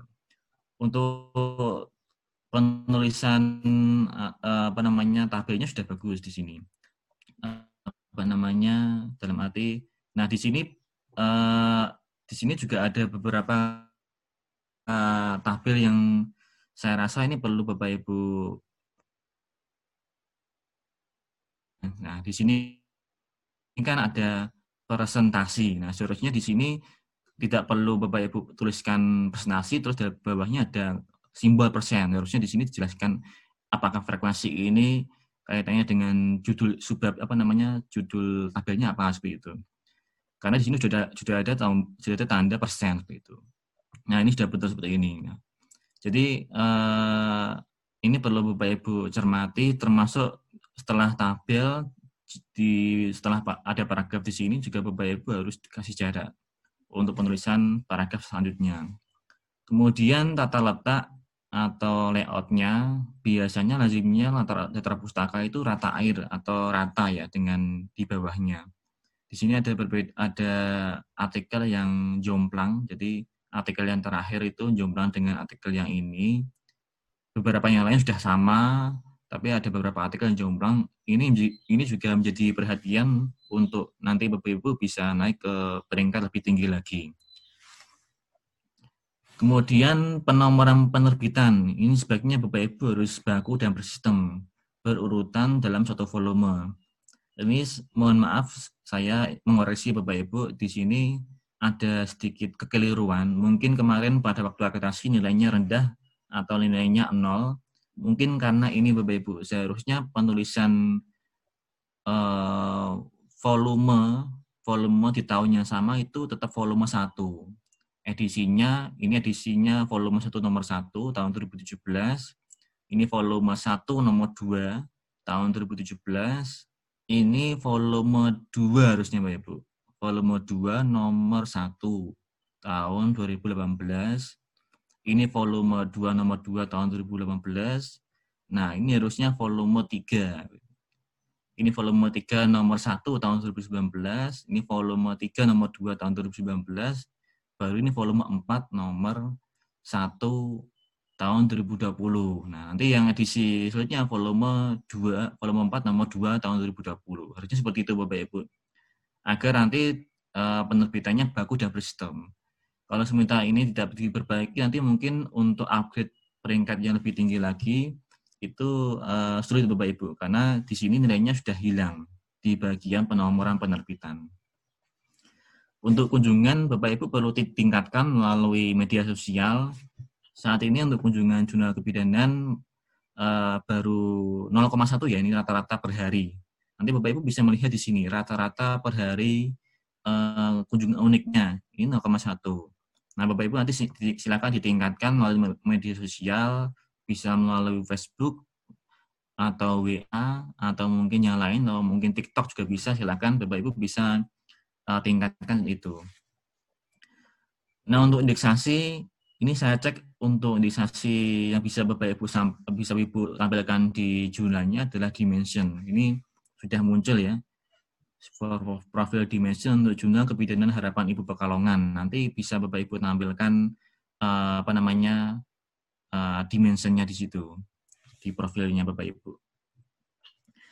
Mungkin itu yang bisa saya sampaikan. Mohon maaf saya tadi uh, mengoreksi jurnal Bapak Ibu. Mudah-mudahan nanti pada edisi volume 4 nomor 2 tahun 2020 bisa lebih baik lagi.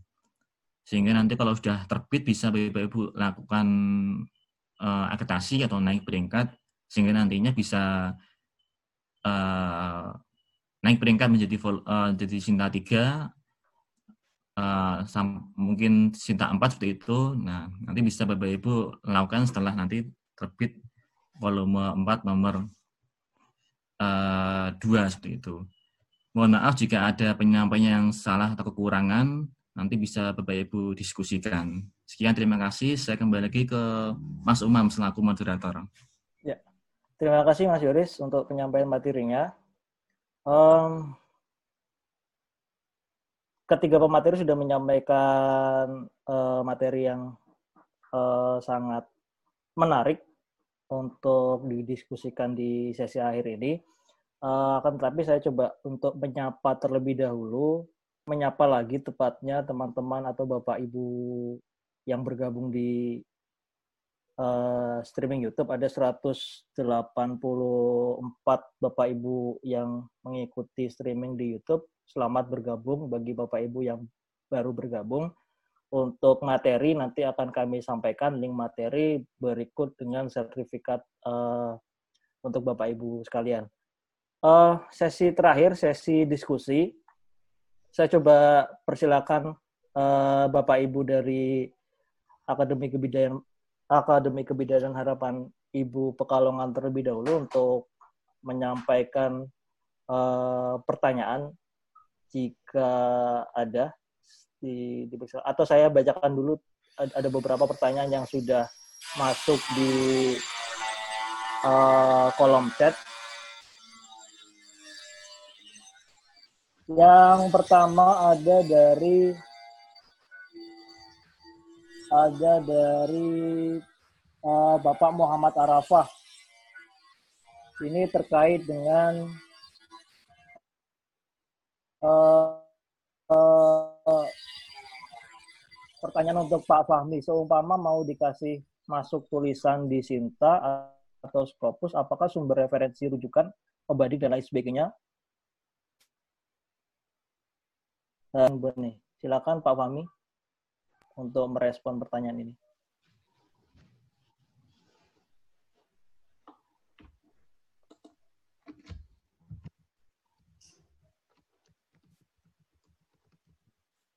Pak Fahmi.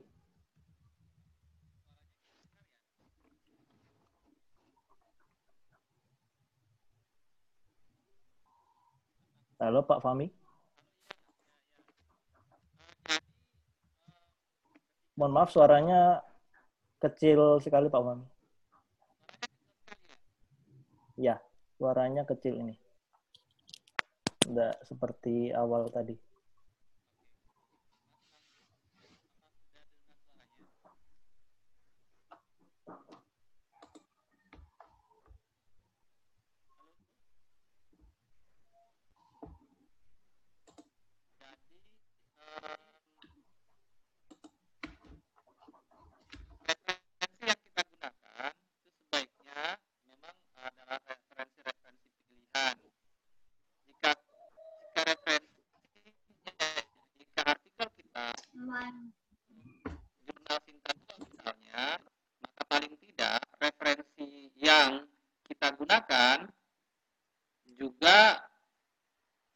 Menggunakan dua misalnya. Nah, kemudian kalau misalnya re, uh, artikel mau di, disubmit ke jurnal yang terindeks Scopus, nah, maka akan lebih bagus kalau referensi yang kita gunakan juga itu menggunakan uh, referensi berbagi, berbasis artikel yang terindeks Scopus. Jangan sampai kalau kita artikel yang mau disubmit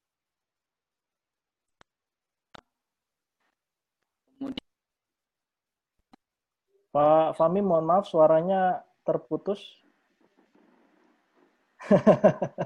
Ini karena lewat pulau laut, jadi suaranya mungkin hilang di lewat laut ini.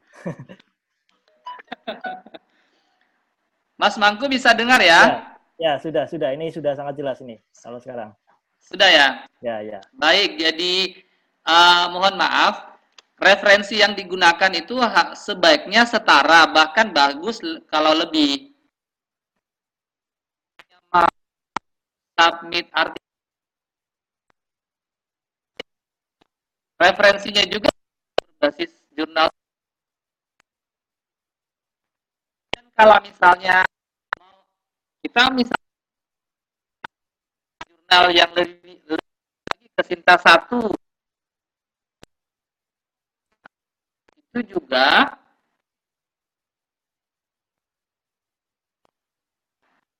jadi semacam ini.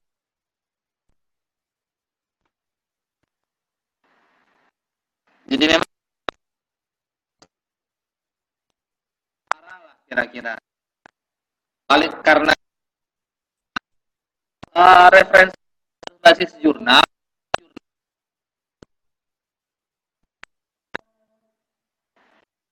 Kalau misalnya di tahun terakhir, tapi itu bisa lima tahun.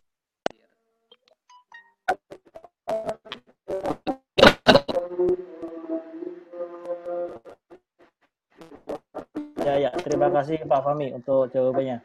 Uh, semoga dapat menjawab. Tapi pada intinya adalah setiap referensi uh, tentu harus mendukung uh, kriteria artikel yang diminta oleh jurnal yang bersangkutan ketika memang diminta adalah lima tahun terakhir atau 10 tahun terakhir ikuti apa yang diminta uh, jurnal yang bersangkutan begitu kira-kira begitu ya Pak Fahmi ya kemudian pertanyaan lain uh, untuk Pak Fahmi juga ini untuk pengajuan reakreditasi harus menunggu berapa terbitan kembali oh ini mungkin untuk uh, Pak Faisal kira-kira untuk melakukan reakreditasi harus menunggu berapa terbitan uh, kembali. Ini seperti yang uh, juga ditanyakan oleh uh, apa namanya pendengar kita di YouTube. Uh, kira-kira menanyakan kira-kira kalau mau reakreditasi harus menunggu berapa terbitan lagi. Silakan Pak Faisal mungkin bisa disampaikan yeah. ulang di sini. Untuk reakreditasi ya menunggu setelah satu edisi terbit. Jadi tidak lama-lama apabila sudah satu edisi terbit itu bisa maju lagi untuk akreditasi. Jadi sekarang dimudahkan prosesnya. Ya, ya, ya. ya. Demikian Pak Umam. Um, kemudian pertanyaan lain untuk hasil pembahasan sebaiknya ada berapa halaman Bapak? Ini mungkin untuk Pak uh, Fahmi mungkin ya untuk berkaitan dengan substansi artikel. Ya, discussion biasanya Bapak itu sekitar 600 600 kata itu uh, dia dipecah jadi 3 sampai 3 sampai 4 3 paragraf sampai 4 paragraf. Hmm, ya ya ya. ya. Jadi discussion kan discussion itu gunanya untuk bisa membuktikan argumen yang sudah disampaikan pada awal pada jadi ketika misalnya uh, argumen yang disampaikan di introduction itu pembuktiannya adalah di discussion. Nah, cara menulis discussion itu ada tiga lapis, ada tiga hal yang harus dimasukkan. Yang paling pertama adalah um, kesimpulan daripada hasil temuan kita. Yang kedua adalah kita membandingkan hasil temuan kita dengan temuan orang lain, apakah misalnya ada perbedaannya atau ada persamaannya. Jika ada persamaannya mohon dijelaskan, jika ada perbedaannya juga mohon dijelaskan. Yang ketiga adalah implikasi daripada penelitian yang sudah itu. Implikasinya ada beberapa macam. Bisa implikasi teoritik, bisa juga konsep, implikasi konsep implikasi metodologis atau implikasi praktis itu bisa. Hmm. Begitu Mas Mangku. Ya, ya, ya. Terima kasih Pak Fami. Kemudian pertanyaan lain dari Bu Ida terkait dengan uh, perbedaan reviewer dan mitra bestari. Kemudian pertanyaan lanjutnya ada pertanyaan lanjutnya adalah kira-kira syarat untuk menjadi reviewer itu seperti apa? apakah harus ada rumpun apakah harus satu rumpun ilmu uh, mungkin untuk uh, Pak Faisal terkait dengan peraturan akreditasi atau mungkin kepada Mas Yoris berkaitan dengan evaluasi uh, dewan penyunting atau evaluasi editorial team dan reviewer. Kira-kira mungkin pertanyaan yang lebih uh, spesifik adalah kira-kira bagaimana sih menemukan atau mencocokkan diri uh, terkait dengan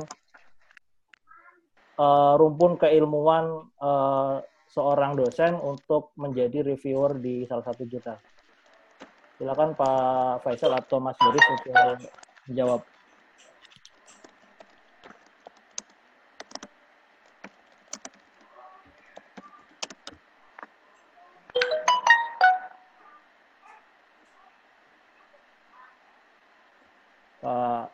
Yoris, Pak Faisal. Iya, Pak. Iya, Mas. Baik. Tadi pertanyaannya tentang reviewer ya, Mas ya? Iya, iya. Jadi eh, untuk mitra bestari itu istilah tahun 2004 Bapak Ibu. Jadi sekarang mungkin kebanyakan penulisannya reviewer ya. Jadi istilahnya kalau mitra bestari itu eh, dalam bahasa Indonesia-nya, kalau dalam bahasa Inggrisnya itu reviewer. Sebenarnya kalau reviewer tuh ya penelaah nih kalau di bahasa oh. Indonesia kan. Hmm.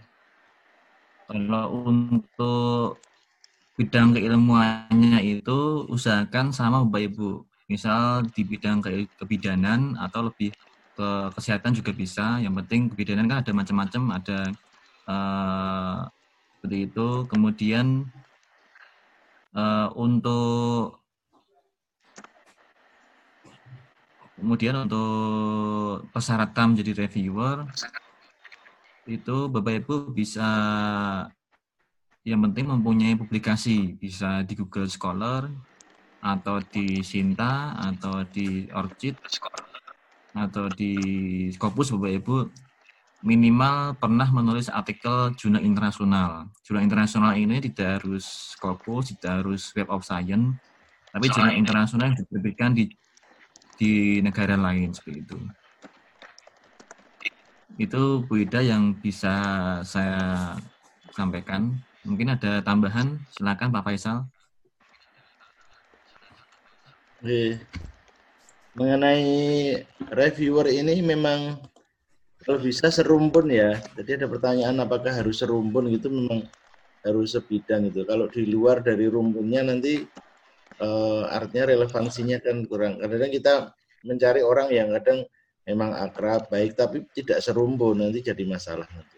Ya, jadi serumpun kemudian saya lihat di jurnal akademi kebidanan itu yang eh, yang saya tampilkan tadi masih kurang ya, reviewernya masih kurang, editornya juga masih kurang. Jadi kalau bisa bisa berjejaring mencari reviewer dan editor dari luar.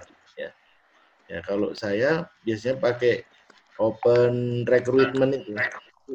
Jadi di jurnal kita tampilkan open recruitment itu pakai Google Form itu. Biasanya banyak. Nanti kalau kita masuk di kalau saya dari bahasa Inggris itu di uh, grup WA dosen bahasa Inggris. Nah, jadi Bapak Ibu mungkin bisa bikin di announcement, itu bikin Google Form, open recruitment, kemudian masuk di komunitasnya ya. Mungkin asosiasi kebidanan atau asosiasi dosen. Komunitas dosen kebidanan itu nanti akan banyak orang yang mau menjadi reviewer dan editor. Demikian, uh, Mas Umam. Ya, ya, ya. Terima kasih Pak. Faisal. Uh, sebelum beralih ke beberapa pertanyaan yang saya rangkum di YouTube, Bapak Ibu dari Akbit Harapan Ibu Pekalongan ada yang mau ditanyakan lagi, at- disampaikan secara langsung, silakan.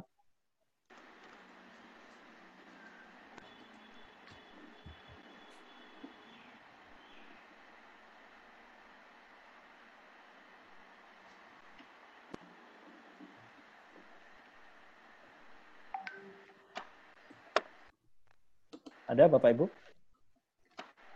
Kalau belum ada, saya coba untuk. Saya Oh ya, silakan, silakan Bu. Mangku, Ya, silakan. eh, terima kasih. Ya, Eh, terima kasih sebelumnya menyampaikan kepada narasumber kita yaitu Bapak Fahmi, Faisal dan Bapak Yoris.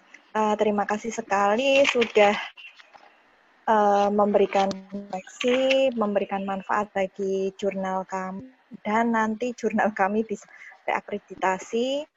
Sehabis ini webinar ini selesai, oh nanti kita akan memperbaiki apa yang menjadi dari Bapak Yoris, Bapak Fahmi maupun Bapak Faisal. Nah, di sini tadi eh, mendengar beberapa eh, materi yang sudah disampaikan oleh tiga narasumber.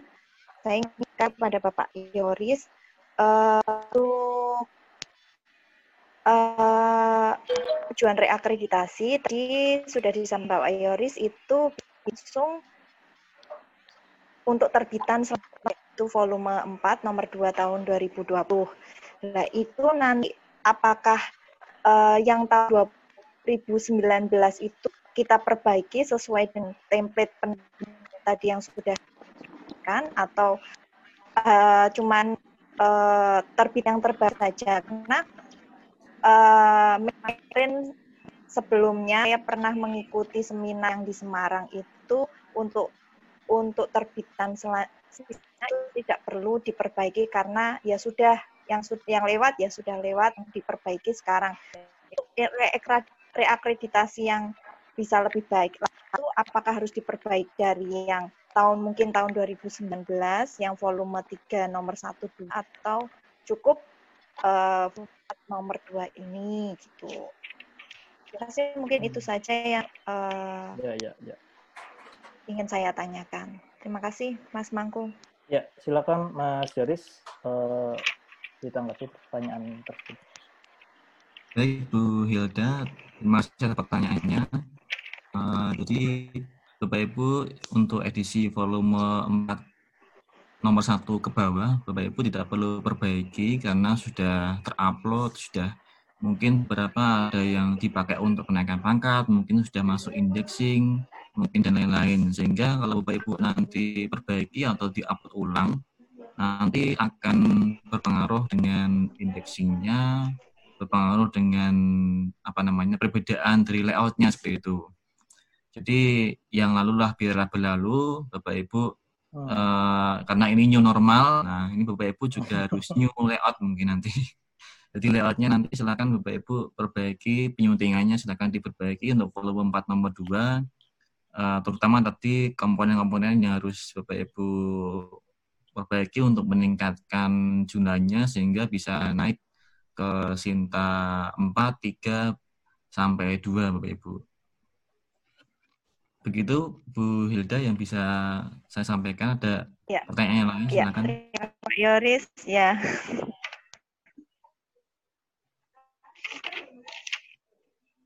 Sudah cukup? Ya, kalau ya. Ada sepertinya pertanyaan sudah lagi cukup, mungkin? Mas Mangku. Ya, ya, untuk pertanyaannya. mungkin ada Oke. pertanyaan lain, Bapak Ibu, yang yang ingin disampaikan secara langsung, silakan.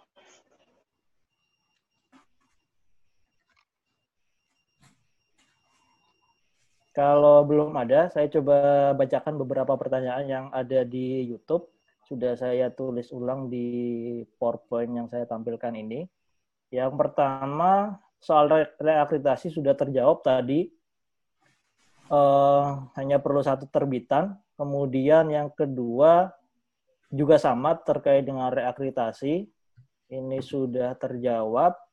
Kemudian yang ketiga, uh, pertanyaan soal uh, jika penulis submit artikel dengan format PDF untuk mengubah urutan halaman apakah ada di tools OJS 3 dari Pak Fadil Abdillah Min.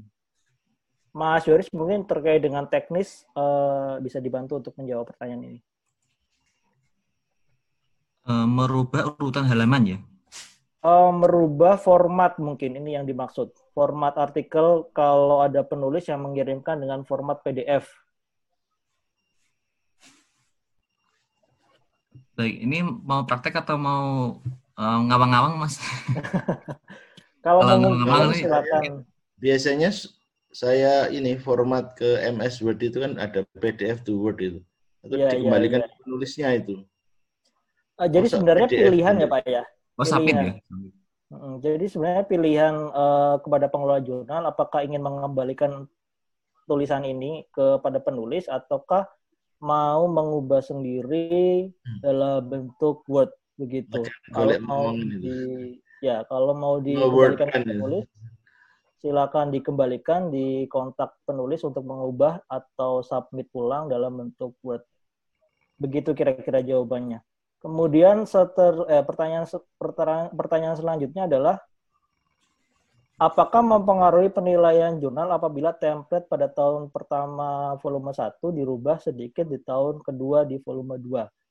Ini juga sudah terjawab tadi berkaitan dengan pertanyaan terakhir terkait kira-kira apakah kita perlu berubah uh, template ketika akan mengajukan akreditasi ulang atau tetap dibiarkan uh, memakai template yang lama.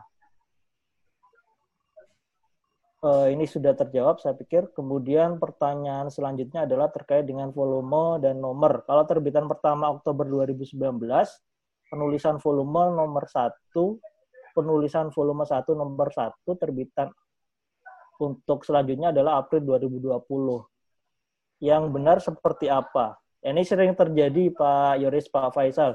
Uh, ada beberapa jurnal, bahkan sebagian jurnal uh, yang menerbitkan artikelnya di pertengahan tahun begitu. Jadi set, uh, dengan terpaksa menuliskan volume satu nomor satunya di uh, tahun 2019 misalnya, kemudian di volume satu nomor duanya melompat ke tahun 2020 ini kira-kira uh, seperti apa?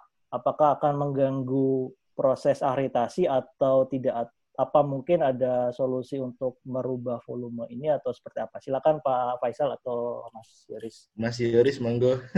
Ah, iya, silakan Mas Yoris. Pak Yoris, monggo Pak. Iya, Pak. Sebenarnya tergantung akte kelahirannya sih.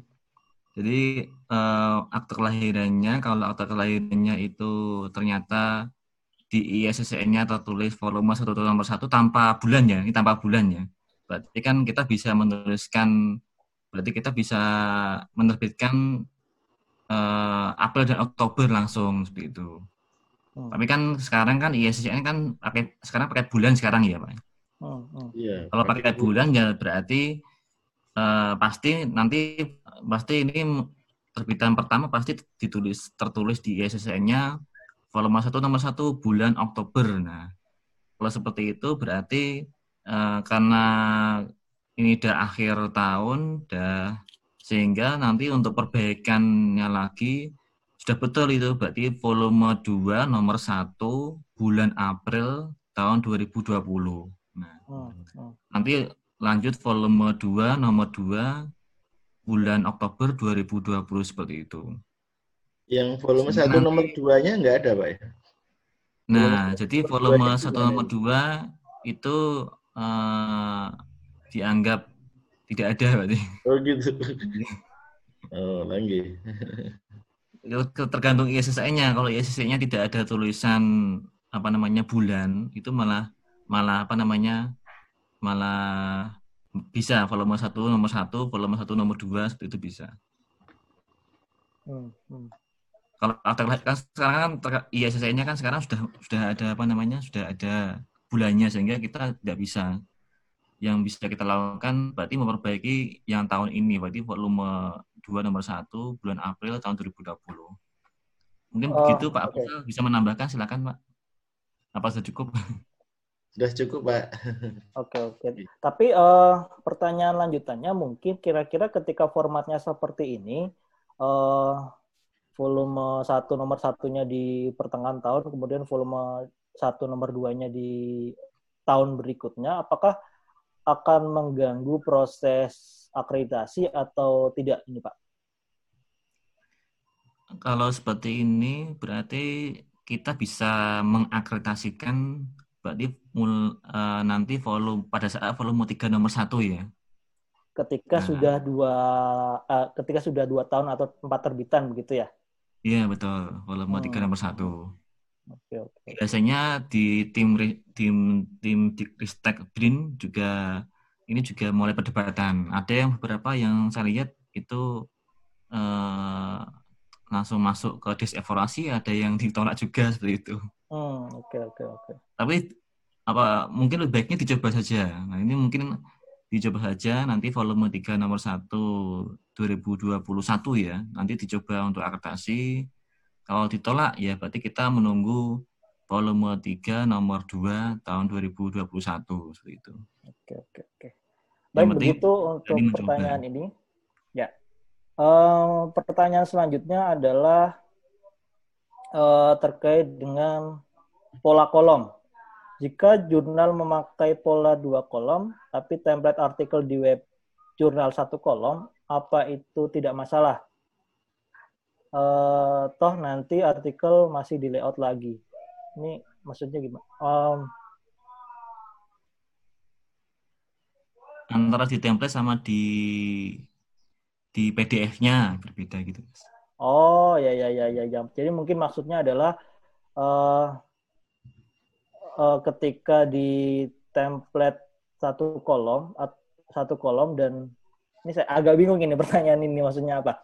Atau mungkin maksudnya ketika penulis mengirimkan dengan dua kolom tapi template-nya satu kolom itu apa tidak masalah begitu ya mungkin ya dari Pak Hardi Purba.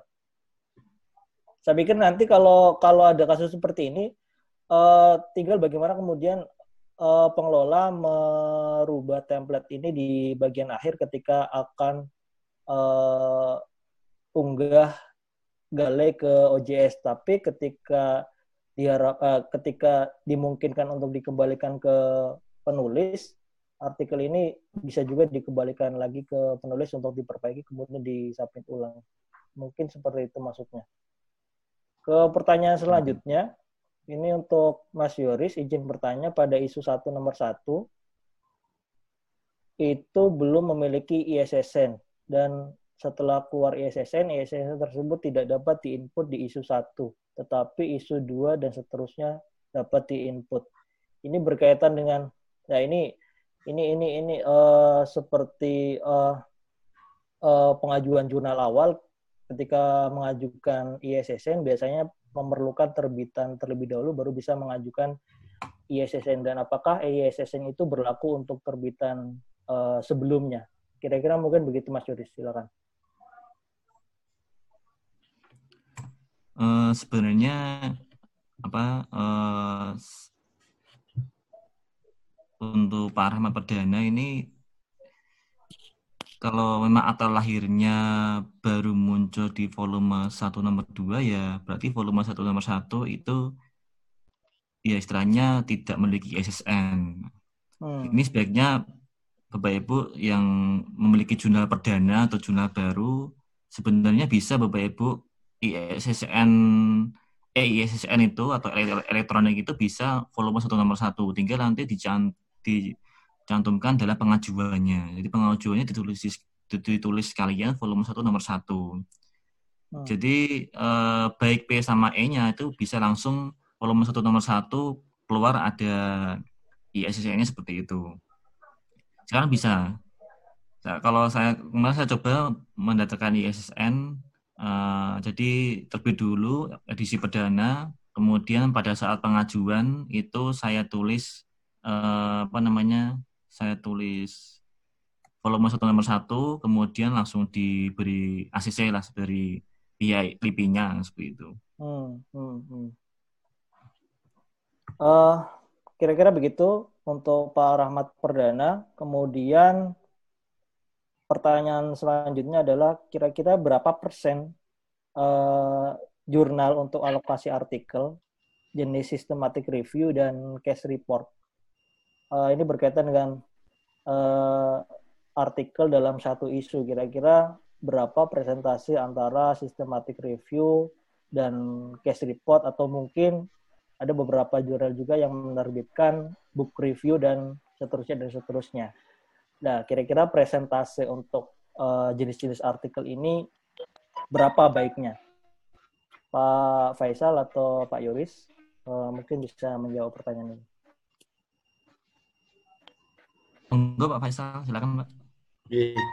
Um, menurut saya kalau di jurnal eh, kita tampilkan lebih banyak jurnal, kemudian ada book review tapi tidak banyak itu. Itu terserah pengelola jurnalnya mau hmm. menampilkan seberapa, tapi mestinya mayoritasnya lebih banyak artikel jurnal. Kalau case report atau book review itu hanya persentase kecil aja, tapi monggo terserah itu gimana ya.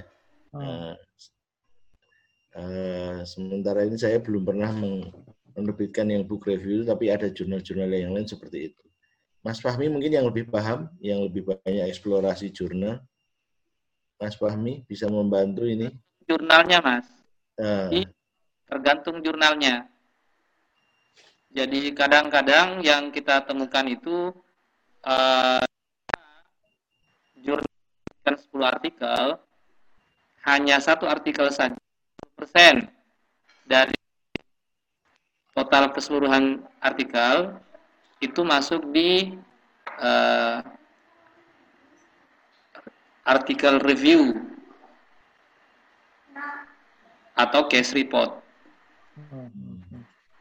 Satu atau kadang dua, Mas. Oke, oke, oke.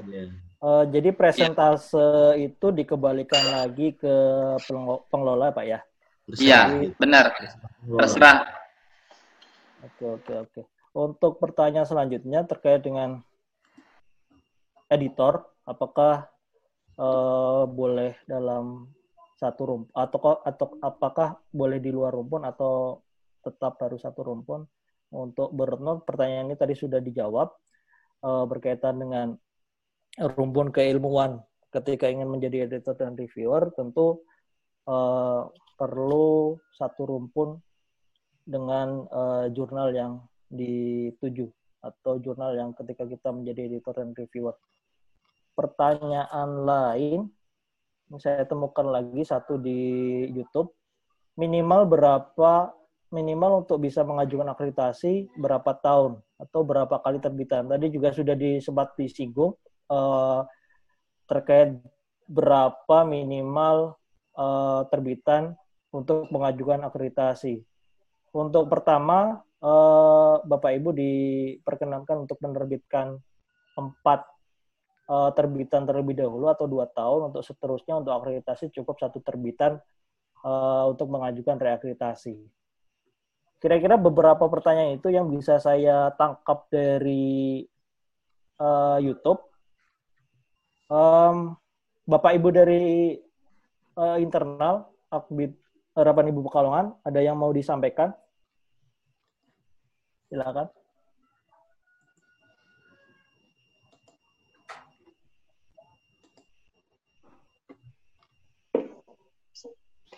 Pak. Ya. Halo. Ya. Mangkuk. Ya. Ya. Uh, Bu idenya masih ini ya jadi mewakili apa internal institusi saya di hmm. sini hmm. kebetulan sebagai ketua LPPM Akraban Ibu Pekalongan menyampaikan terima kasih sekali atas ilmu baru bagi kami kepada narasumber uh, semua uh, panitia RI Jawa Tengah yang sudah bantu kami untuk uh, menyediakan uh, kegiatan webinar uh, tentang jurnal publish management ini. Ya, Mudah-mudahan uh, bagi bisa memperbaiki tadi apa yang disampaikan itu sekali kritik saran dan masukan mungkin banyak sekali kekurangan dari kami dan uh, jurnali karena kami juga belajar dan mohon bimbingannya kepada RJI uh, khususnya uh, Is, Faisal dan mungkin uh, Pak Fahmi serta Pak Hel bersedia membantu kami selama ini sehingga uh, mungkin ini masih uh, Sinta 5 bisa kami capai sampai ini. Mudah-mudahan untuk tahun depan kita bisa perbaiki, bisa lebih baik lagi. Kali uh, atas kegiatan ini kami juga uh, apa namanya dari institusi kan banyak-banyak terjadi. Mudah-mudahan ini bisa uh, ilmu yang bisa kami peroleh. Terima kasih itu saja mungkin. Ya, ya, ya. Terima kasih Bu. Baik, terima kasih. Uh, ini kita masih sampai jam 12, Bu ya. Uh, ini ada pertanyaan lagi dari uh, YouTube, tapi tapi bisa saya tampilkan ulang. Uh, untuk mengakomodir teman-teman uh, peserta dari YouTube, saya coba tampilkan ulang beberapa pertanyaan terakhir. Uh, sebentar.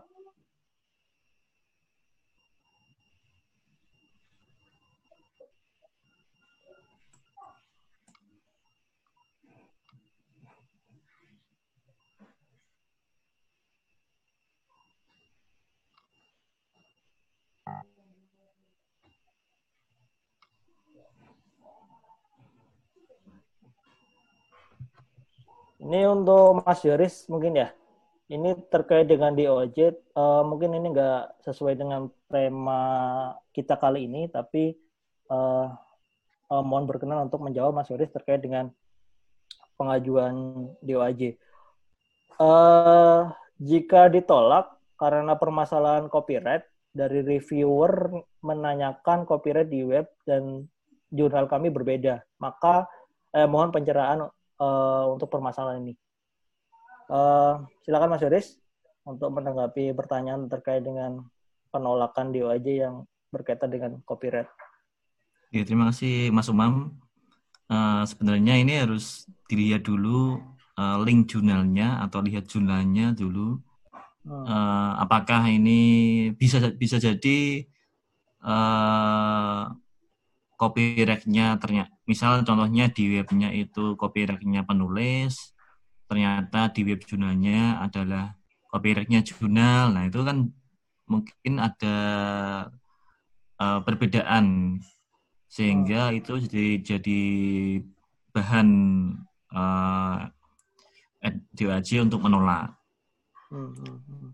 Jadi mungkin perlu dilihat juga harus dicek lagi apakah jadi kalau Bapak Ibu ingin mengajukan lagi enam bulan yang akan datang, Bapak Ibu harus menyamakan copyright baik di uh, eh, PDF. Jadi PDF, jadi perlu pengecekan juga Bapak Ibu PDF, web, di header juga, eh, di header, di footer, di footer kadang-kala itu berbeda juga copyrightnya kadang-kala, kadang-kala di PDF juga diberikan copyright juga. Nah itu Bapak Ibu yang bertanya ini harus disamakan. Nanti pada waktu enam bulan lagi bisa mengajukan lagi. Ya, ya, ya. Oke, terima kasih Mas Yoris. Kira-kira begitu jawaban untuk pertanyaan uh, ini. Pertanyaan selanjutnya adalah terkait jumlah terbitan artikel. Uh, awalnya terbit 10 judul, maka selanjutnya apakah uh, harus 10 judul, apa boleh turun atau lebih? Silakan Mas Yoris, Pak Faisal atau Pak Fahmi untuk pertanyaan ini. Jumlah terbitan nggak stabil, Pak? Ya, kira-kira begitu jumlah terbitan. Apakah boleh tidak stabil ataukah harus tetap stabil jumlahnya sesuai dengan terbitan awal? Uh, nggak stabil nggak apa-apa. Jadi boleh boleh nambah, boleh turun, silahkan gitu. Iya, iya, iya. Ya. Uh, sebenarnya ini tidak ya, uh, tidak ini ya, tidak menjadi permasalahan yang serius, tapi yang Iya. jelas adalah uh, minimal artikel dalam satu terbitan kalau kita merujuk pada DOAJ misalnya minimal 5 ya Mas Reza Iya betul. uh, dalam satu tahun. Akan tetapi ketika kita merujuk ke Arjuna, pengajuan Arjuna minimal 5. 5 itu dalam satu terbitan. Apakah itu lebih dari 5? Tidak masalah. Apakah itu mau stabil atau tidak? Mau eh, terbitan ini terbitan sekarang 5 dan terbitan berikutnya 10 itu tidak menjadi masalah eh, sejauh substansi artikel tetap diperhatikan. Iya. Kira-kira begitu. Em,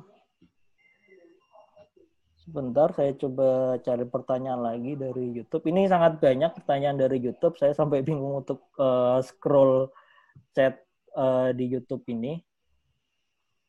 Em, oh ya, ini banyak yang tanya soal sertifikat dan link materi. Nanti akan ketis- eh, kami sampaikan eh, di akhir sesi. Setelah ini saya sampaikan eh, link materi dan eh, link sertifikat yang dapat Bapak Ibu akses eh, melalui link yang nanti akan saya. Hmm.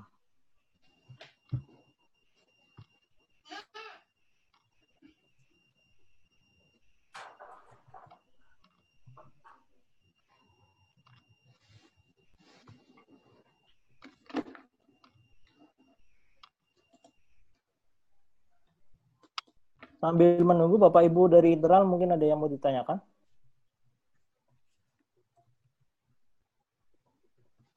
Ini saya coba cari pertanyaan-pertanyaan dari YouTube yang sekiranya bisa dijawab oleh Bapak Ibu materi. Ada satu pertanyaan terkait dengan Garuda. Izin bertanya sekali lagi Pak, katanya untuk terindek di Garuda harus publish dua isu dalam satu tahun. Kalau satu tahun kami publish tiga isu, Januari, April, dan Juli, apakah bisa daftar di Garuda tersebut dengan isu itu? Silakan Mas Yoris, Pak Faisal, atau Pak Fahmi uh, untuk menanggapi pertanyaan ini.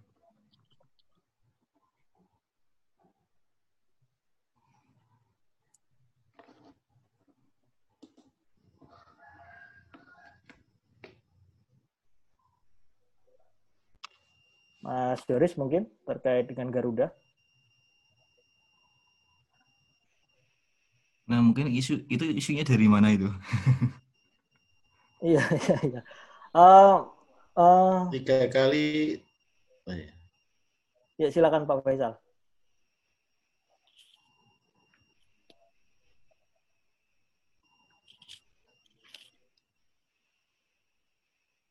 Pak Yoris itu yang lebih paham itu tentang Garuda. Hmm. Apakah harus satu tahun ya? Uh, ringkas pertanyaan mungkin apa berapa uh, persyaratan untuk terindeks ke Garuda mungkin begitu Pak singkatnya. Apakah harus satu tahun dan satu tahun itu harus ada dua isu? Ya. Apakah ketika tiga isu diper- tetap diperbolehkan atau seperti apa? Kira-kira mungkin begitu. Ada pengalaman dari Pak Helmi Suyanto, ada yang temannya barusan mengajukan Garuda ditolak karena baru satu kali terbit. Jadi Hmm. jadi kalau baru satu kali maju itu belum boleh. Hmm. Ya mungkin perlu dilihat peraturannya apakah memang harus satu tahun begitu ya. Jadi Hmm. menunggu satu tahun sekian isu baru bisa maju gitu. Ya jadi ada pengalaman begitu satu Oh iya iya. iya. sa- satu isu tuh nggak boleh masih belum mencukupi. Hmm. Gitu Pak Manggu. Oke, terima kasih Pak Faisal. Eh, mungkin kira-kira begitu ya, eh, Bapak Ibu sekalian. Em, jika mungkin tidak ada pertanyaan lanjutan, eh, saya tutup acara sesi webinar kali ini bekerja hasil kerjasama dari relawan jurnal Indonesia dan Akademi Kebidanan Harapan Ibu Pekalongan. Bagi Bapak Ibu yang ingin mengakses materi dan sertifikat bisa dibuka di link yang saya tampilkan ini di bit.ly dot uh, bit.ly uh, garis miring event 6 RJ Jateng. Tersedia juga materi-materi yang disampaikan di acara webinar lain di apa link ini nanti Bapak Ibu bisa buka lamanya itu nanti terkoneksi dengan Zenedo di mana banyak materi-materi dari para pembicara yang juga pernah disampaikan di acara lain. Kira-kira begitu. Uh, terakhir saya beri kesempatan untuk ya Pak silakan. Mangku. Ya Saya silakan. Pak, Pak, Pak Tohir Pak. Ya silakan. Ya, terima kasih Pak. Yang pertama mau menanggapi yang daftar ke Garuda itu, Ya ya ya silakan. yang harus apakah satu tahun atau dua isu. Nah, salah satu jurnal kami pernah pada isu pertama setelah terbit pertama pada volume volume pertama dan eh, nomor pertama langsung mengajukan. Setelah itu ditolak. Dan kami dika- diberikan diberikan email atau dikasih email bahwa untuk mengajukan ke Garuda itu minimal harus dua terbitan Hmm. kalau misalkan satu tahun dua terbitan ya satu tahun kalau misalkan terbitannya satu tahun tiga kali ya setelah terbitan kedua tidak Ya. harus menunggu satu tahun dan sudah tertulis di web Garuda bahwa syaratnya memang minimal dua terbitan saja sudah sudah cukup itu itu, Ya. itu yang Garuda pak Ya. yang nomor dua pak ini sudah saya sampaikan tadi bahwa untuk link yang sertifikat ini di nomornya di situ tertulis bulan kelima. Bulan 5 2020 kan sekarang sudah bulan berapa pak? Kan sudah bulan 6 di link sertifikat di web jurnal Jateng di situ tertulis 6 garis miring RJI strip Jateng strip 5 kan seharusnya 20 2020 mohon bisa dikoreksi terlebih dahulu sebelum di share ke teman-teman pak. Terima kasih pak. Mangku Ya, ya, terima kasih Pak. Eh, ini mungkin terkait dengan admin eh, RJI, mungkin bisa diperbaiki eh, berkaitan dengan sertifikat ini. Nanti coba dikoreksi ulang apakah eh, eh, perlu diperbaiki atau tidak. Jika perlu diperbaiki, nanti akan eh, secara otomatis diperbaiki. Atau ada tanggapan mungkin Mas Yoris terkait dengan ini? Itu Mas Mam, Ya, ya, ya. Menanggapi nanti untuk tagihan ya, sertifikat Mangku ya? tadi link materinya bukan itu, bukan itu, tapi relawan jurnal.id webinar RCI Jateng Akbit Harapan Ibu Pekalongan. Itu diklik masuknya ke link yang lain itu. Yang ini ditampilkan ini. Oh iya iya iya. Jadi relawan jurnal bisa lihat di chat, di chat di Kopas saja yang di chat. relawanjurnal.id slash webinar eh, ada stripnya itu RCI Jateng. Ya ya ya sebentar. Tadi ada yang menyampaikan ketika diklik perginya ke link pendaftaran atau apa itu.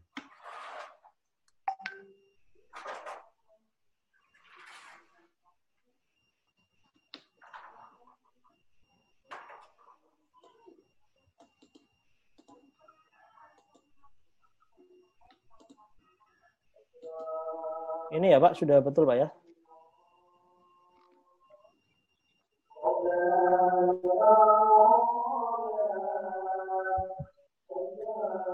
Silakan Mas Yuris tadi mau menanggapi soal sertifikat.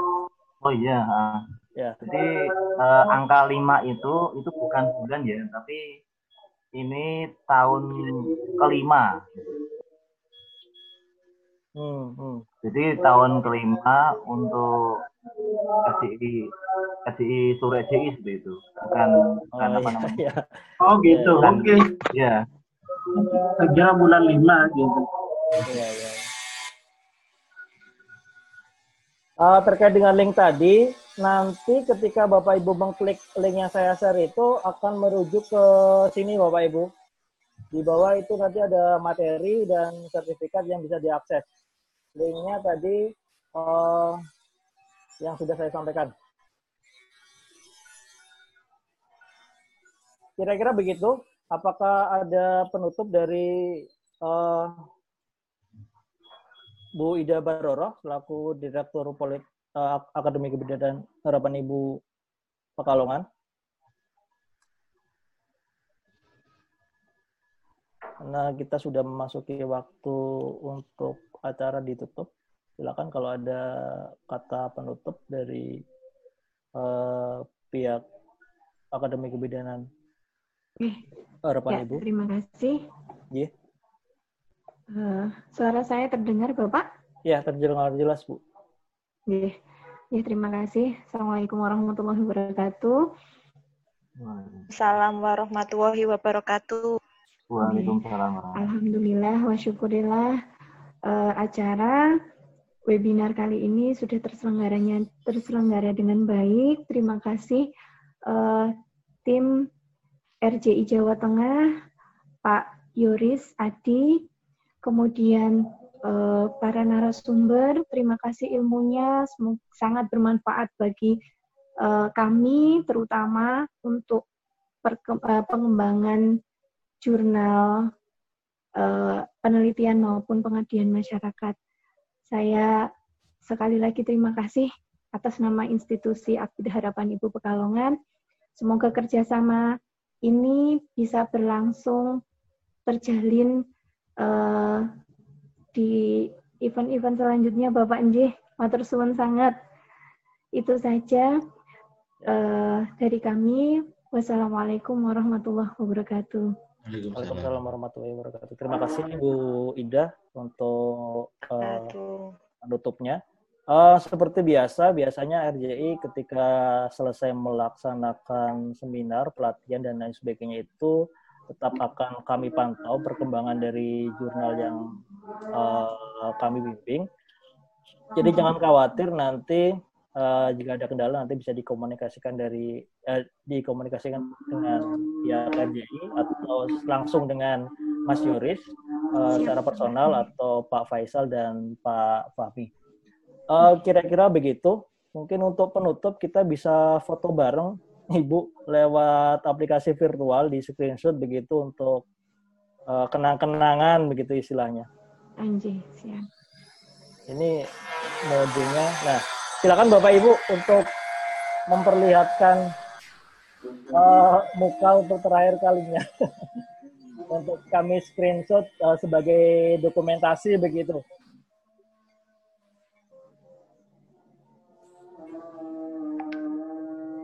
Ya, bentar satu.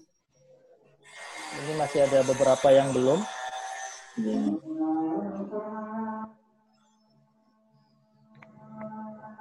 Saya coba screenshot sebentar.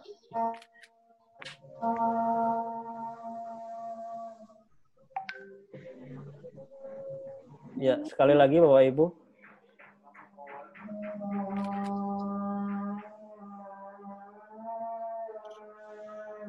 Baik, terima kasih. Kira-kira begitu Bapak Ibu uh, acara kita uh, siang hari ini. Uh, terima kasih atas kerjasama Bapak Ibu dalam mengikuti kegiatan webinar kali ini.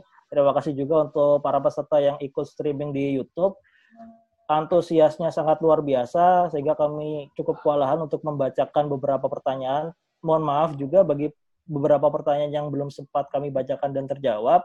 Semoga nanti bisa kami bantu jawab karena uh, link streaming ini akan diunggah di channel RJI. Komentar-komentarnya juga masih akan terbuka, jadi masih terbuka kemungkinan untuk menjawab beberapa pertanyaan yang belum sempat uh, terjawab oleh pemateri-pemateri kita. Sekali lagi terima kasih untuk uh, Bapak Ibu yang masih standby sampai akhir uh, ini. Link sertifikat sekali lagi kalau ada yang tanya di YouTube ini tadi linknya sudah saya sampaikan mungkin bisa nanti disematkan oleh uh, apa admin untuk dicantumkan di uh, YouTube.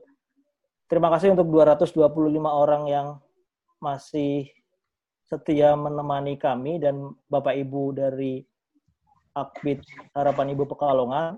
Kerjasama ini semoga tidak terputus hanya terbatas pada event ini. Semoga silaturahmi masih bisa terjaga. Sekali lagi terima kasih. Uh, saya tutup dengan Alhamdulillah. Alhamdulillahirabbil alamin. Terima kasih atas tersebelahnya kegiatan ini. Saya akhiri Bapak Ibu. Uh, selamat menjalankan aktivitas uh, Bapak Ibu setelahnya. semoga uh, tetap diberi kesehatan uh, dan rezeki yang melimpah. Terima Amin. kasih Bapak Ibu, saya akhiri. Uh, wassalamualaikum warahmatullahi wabarakatuh.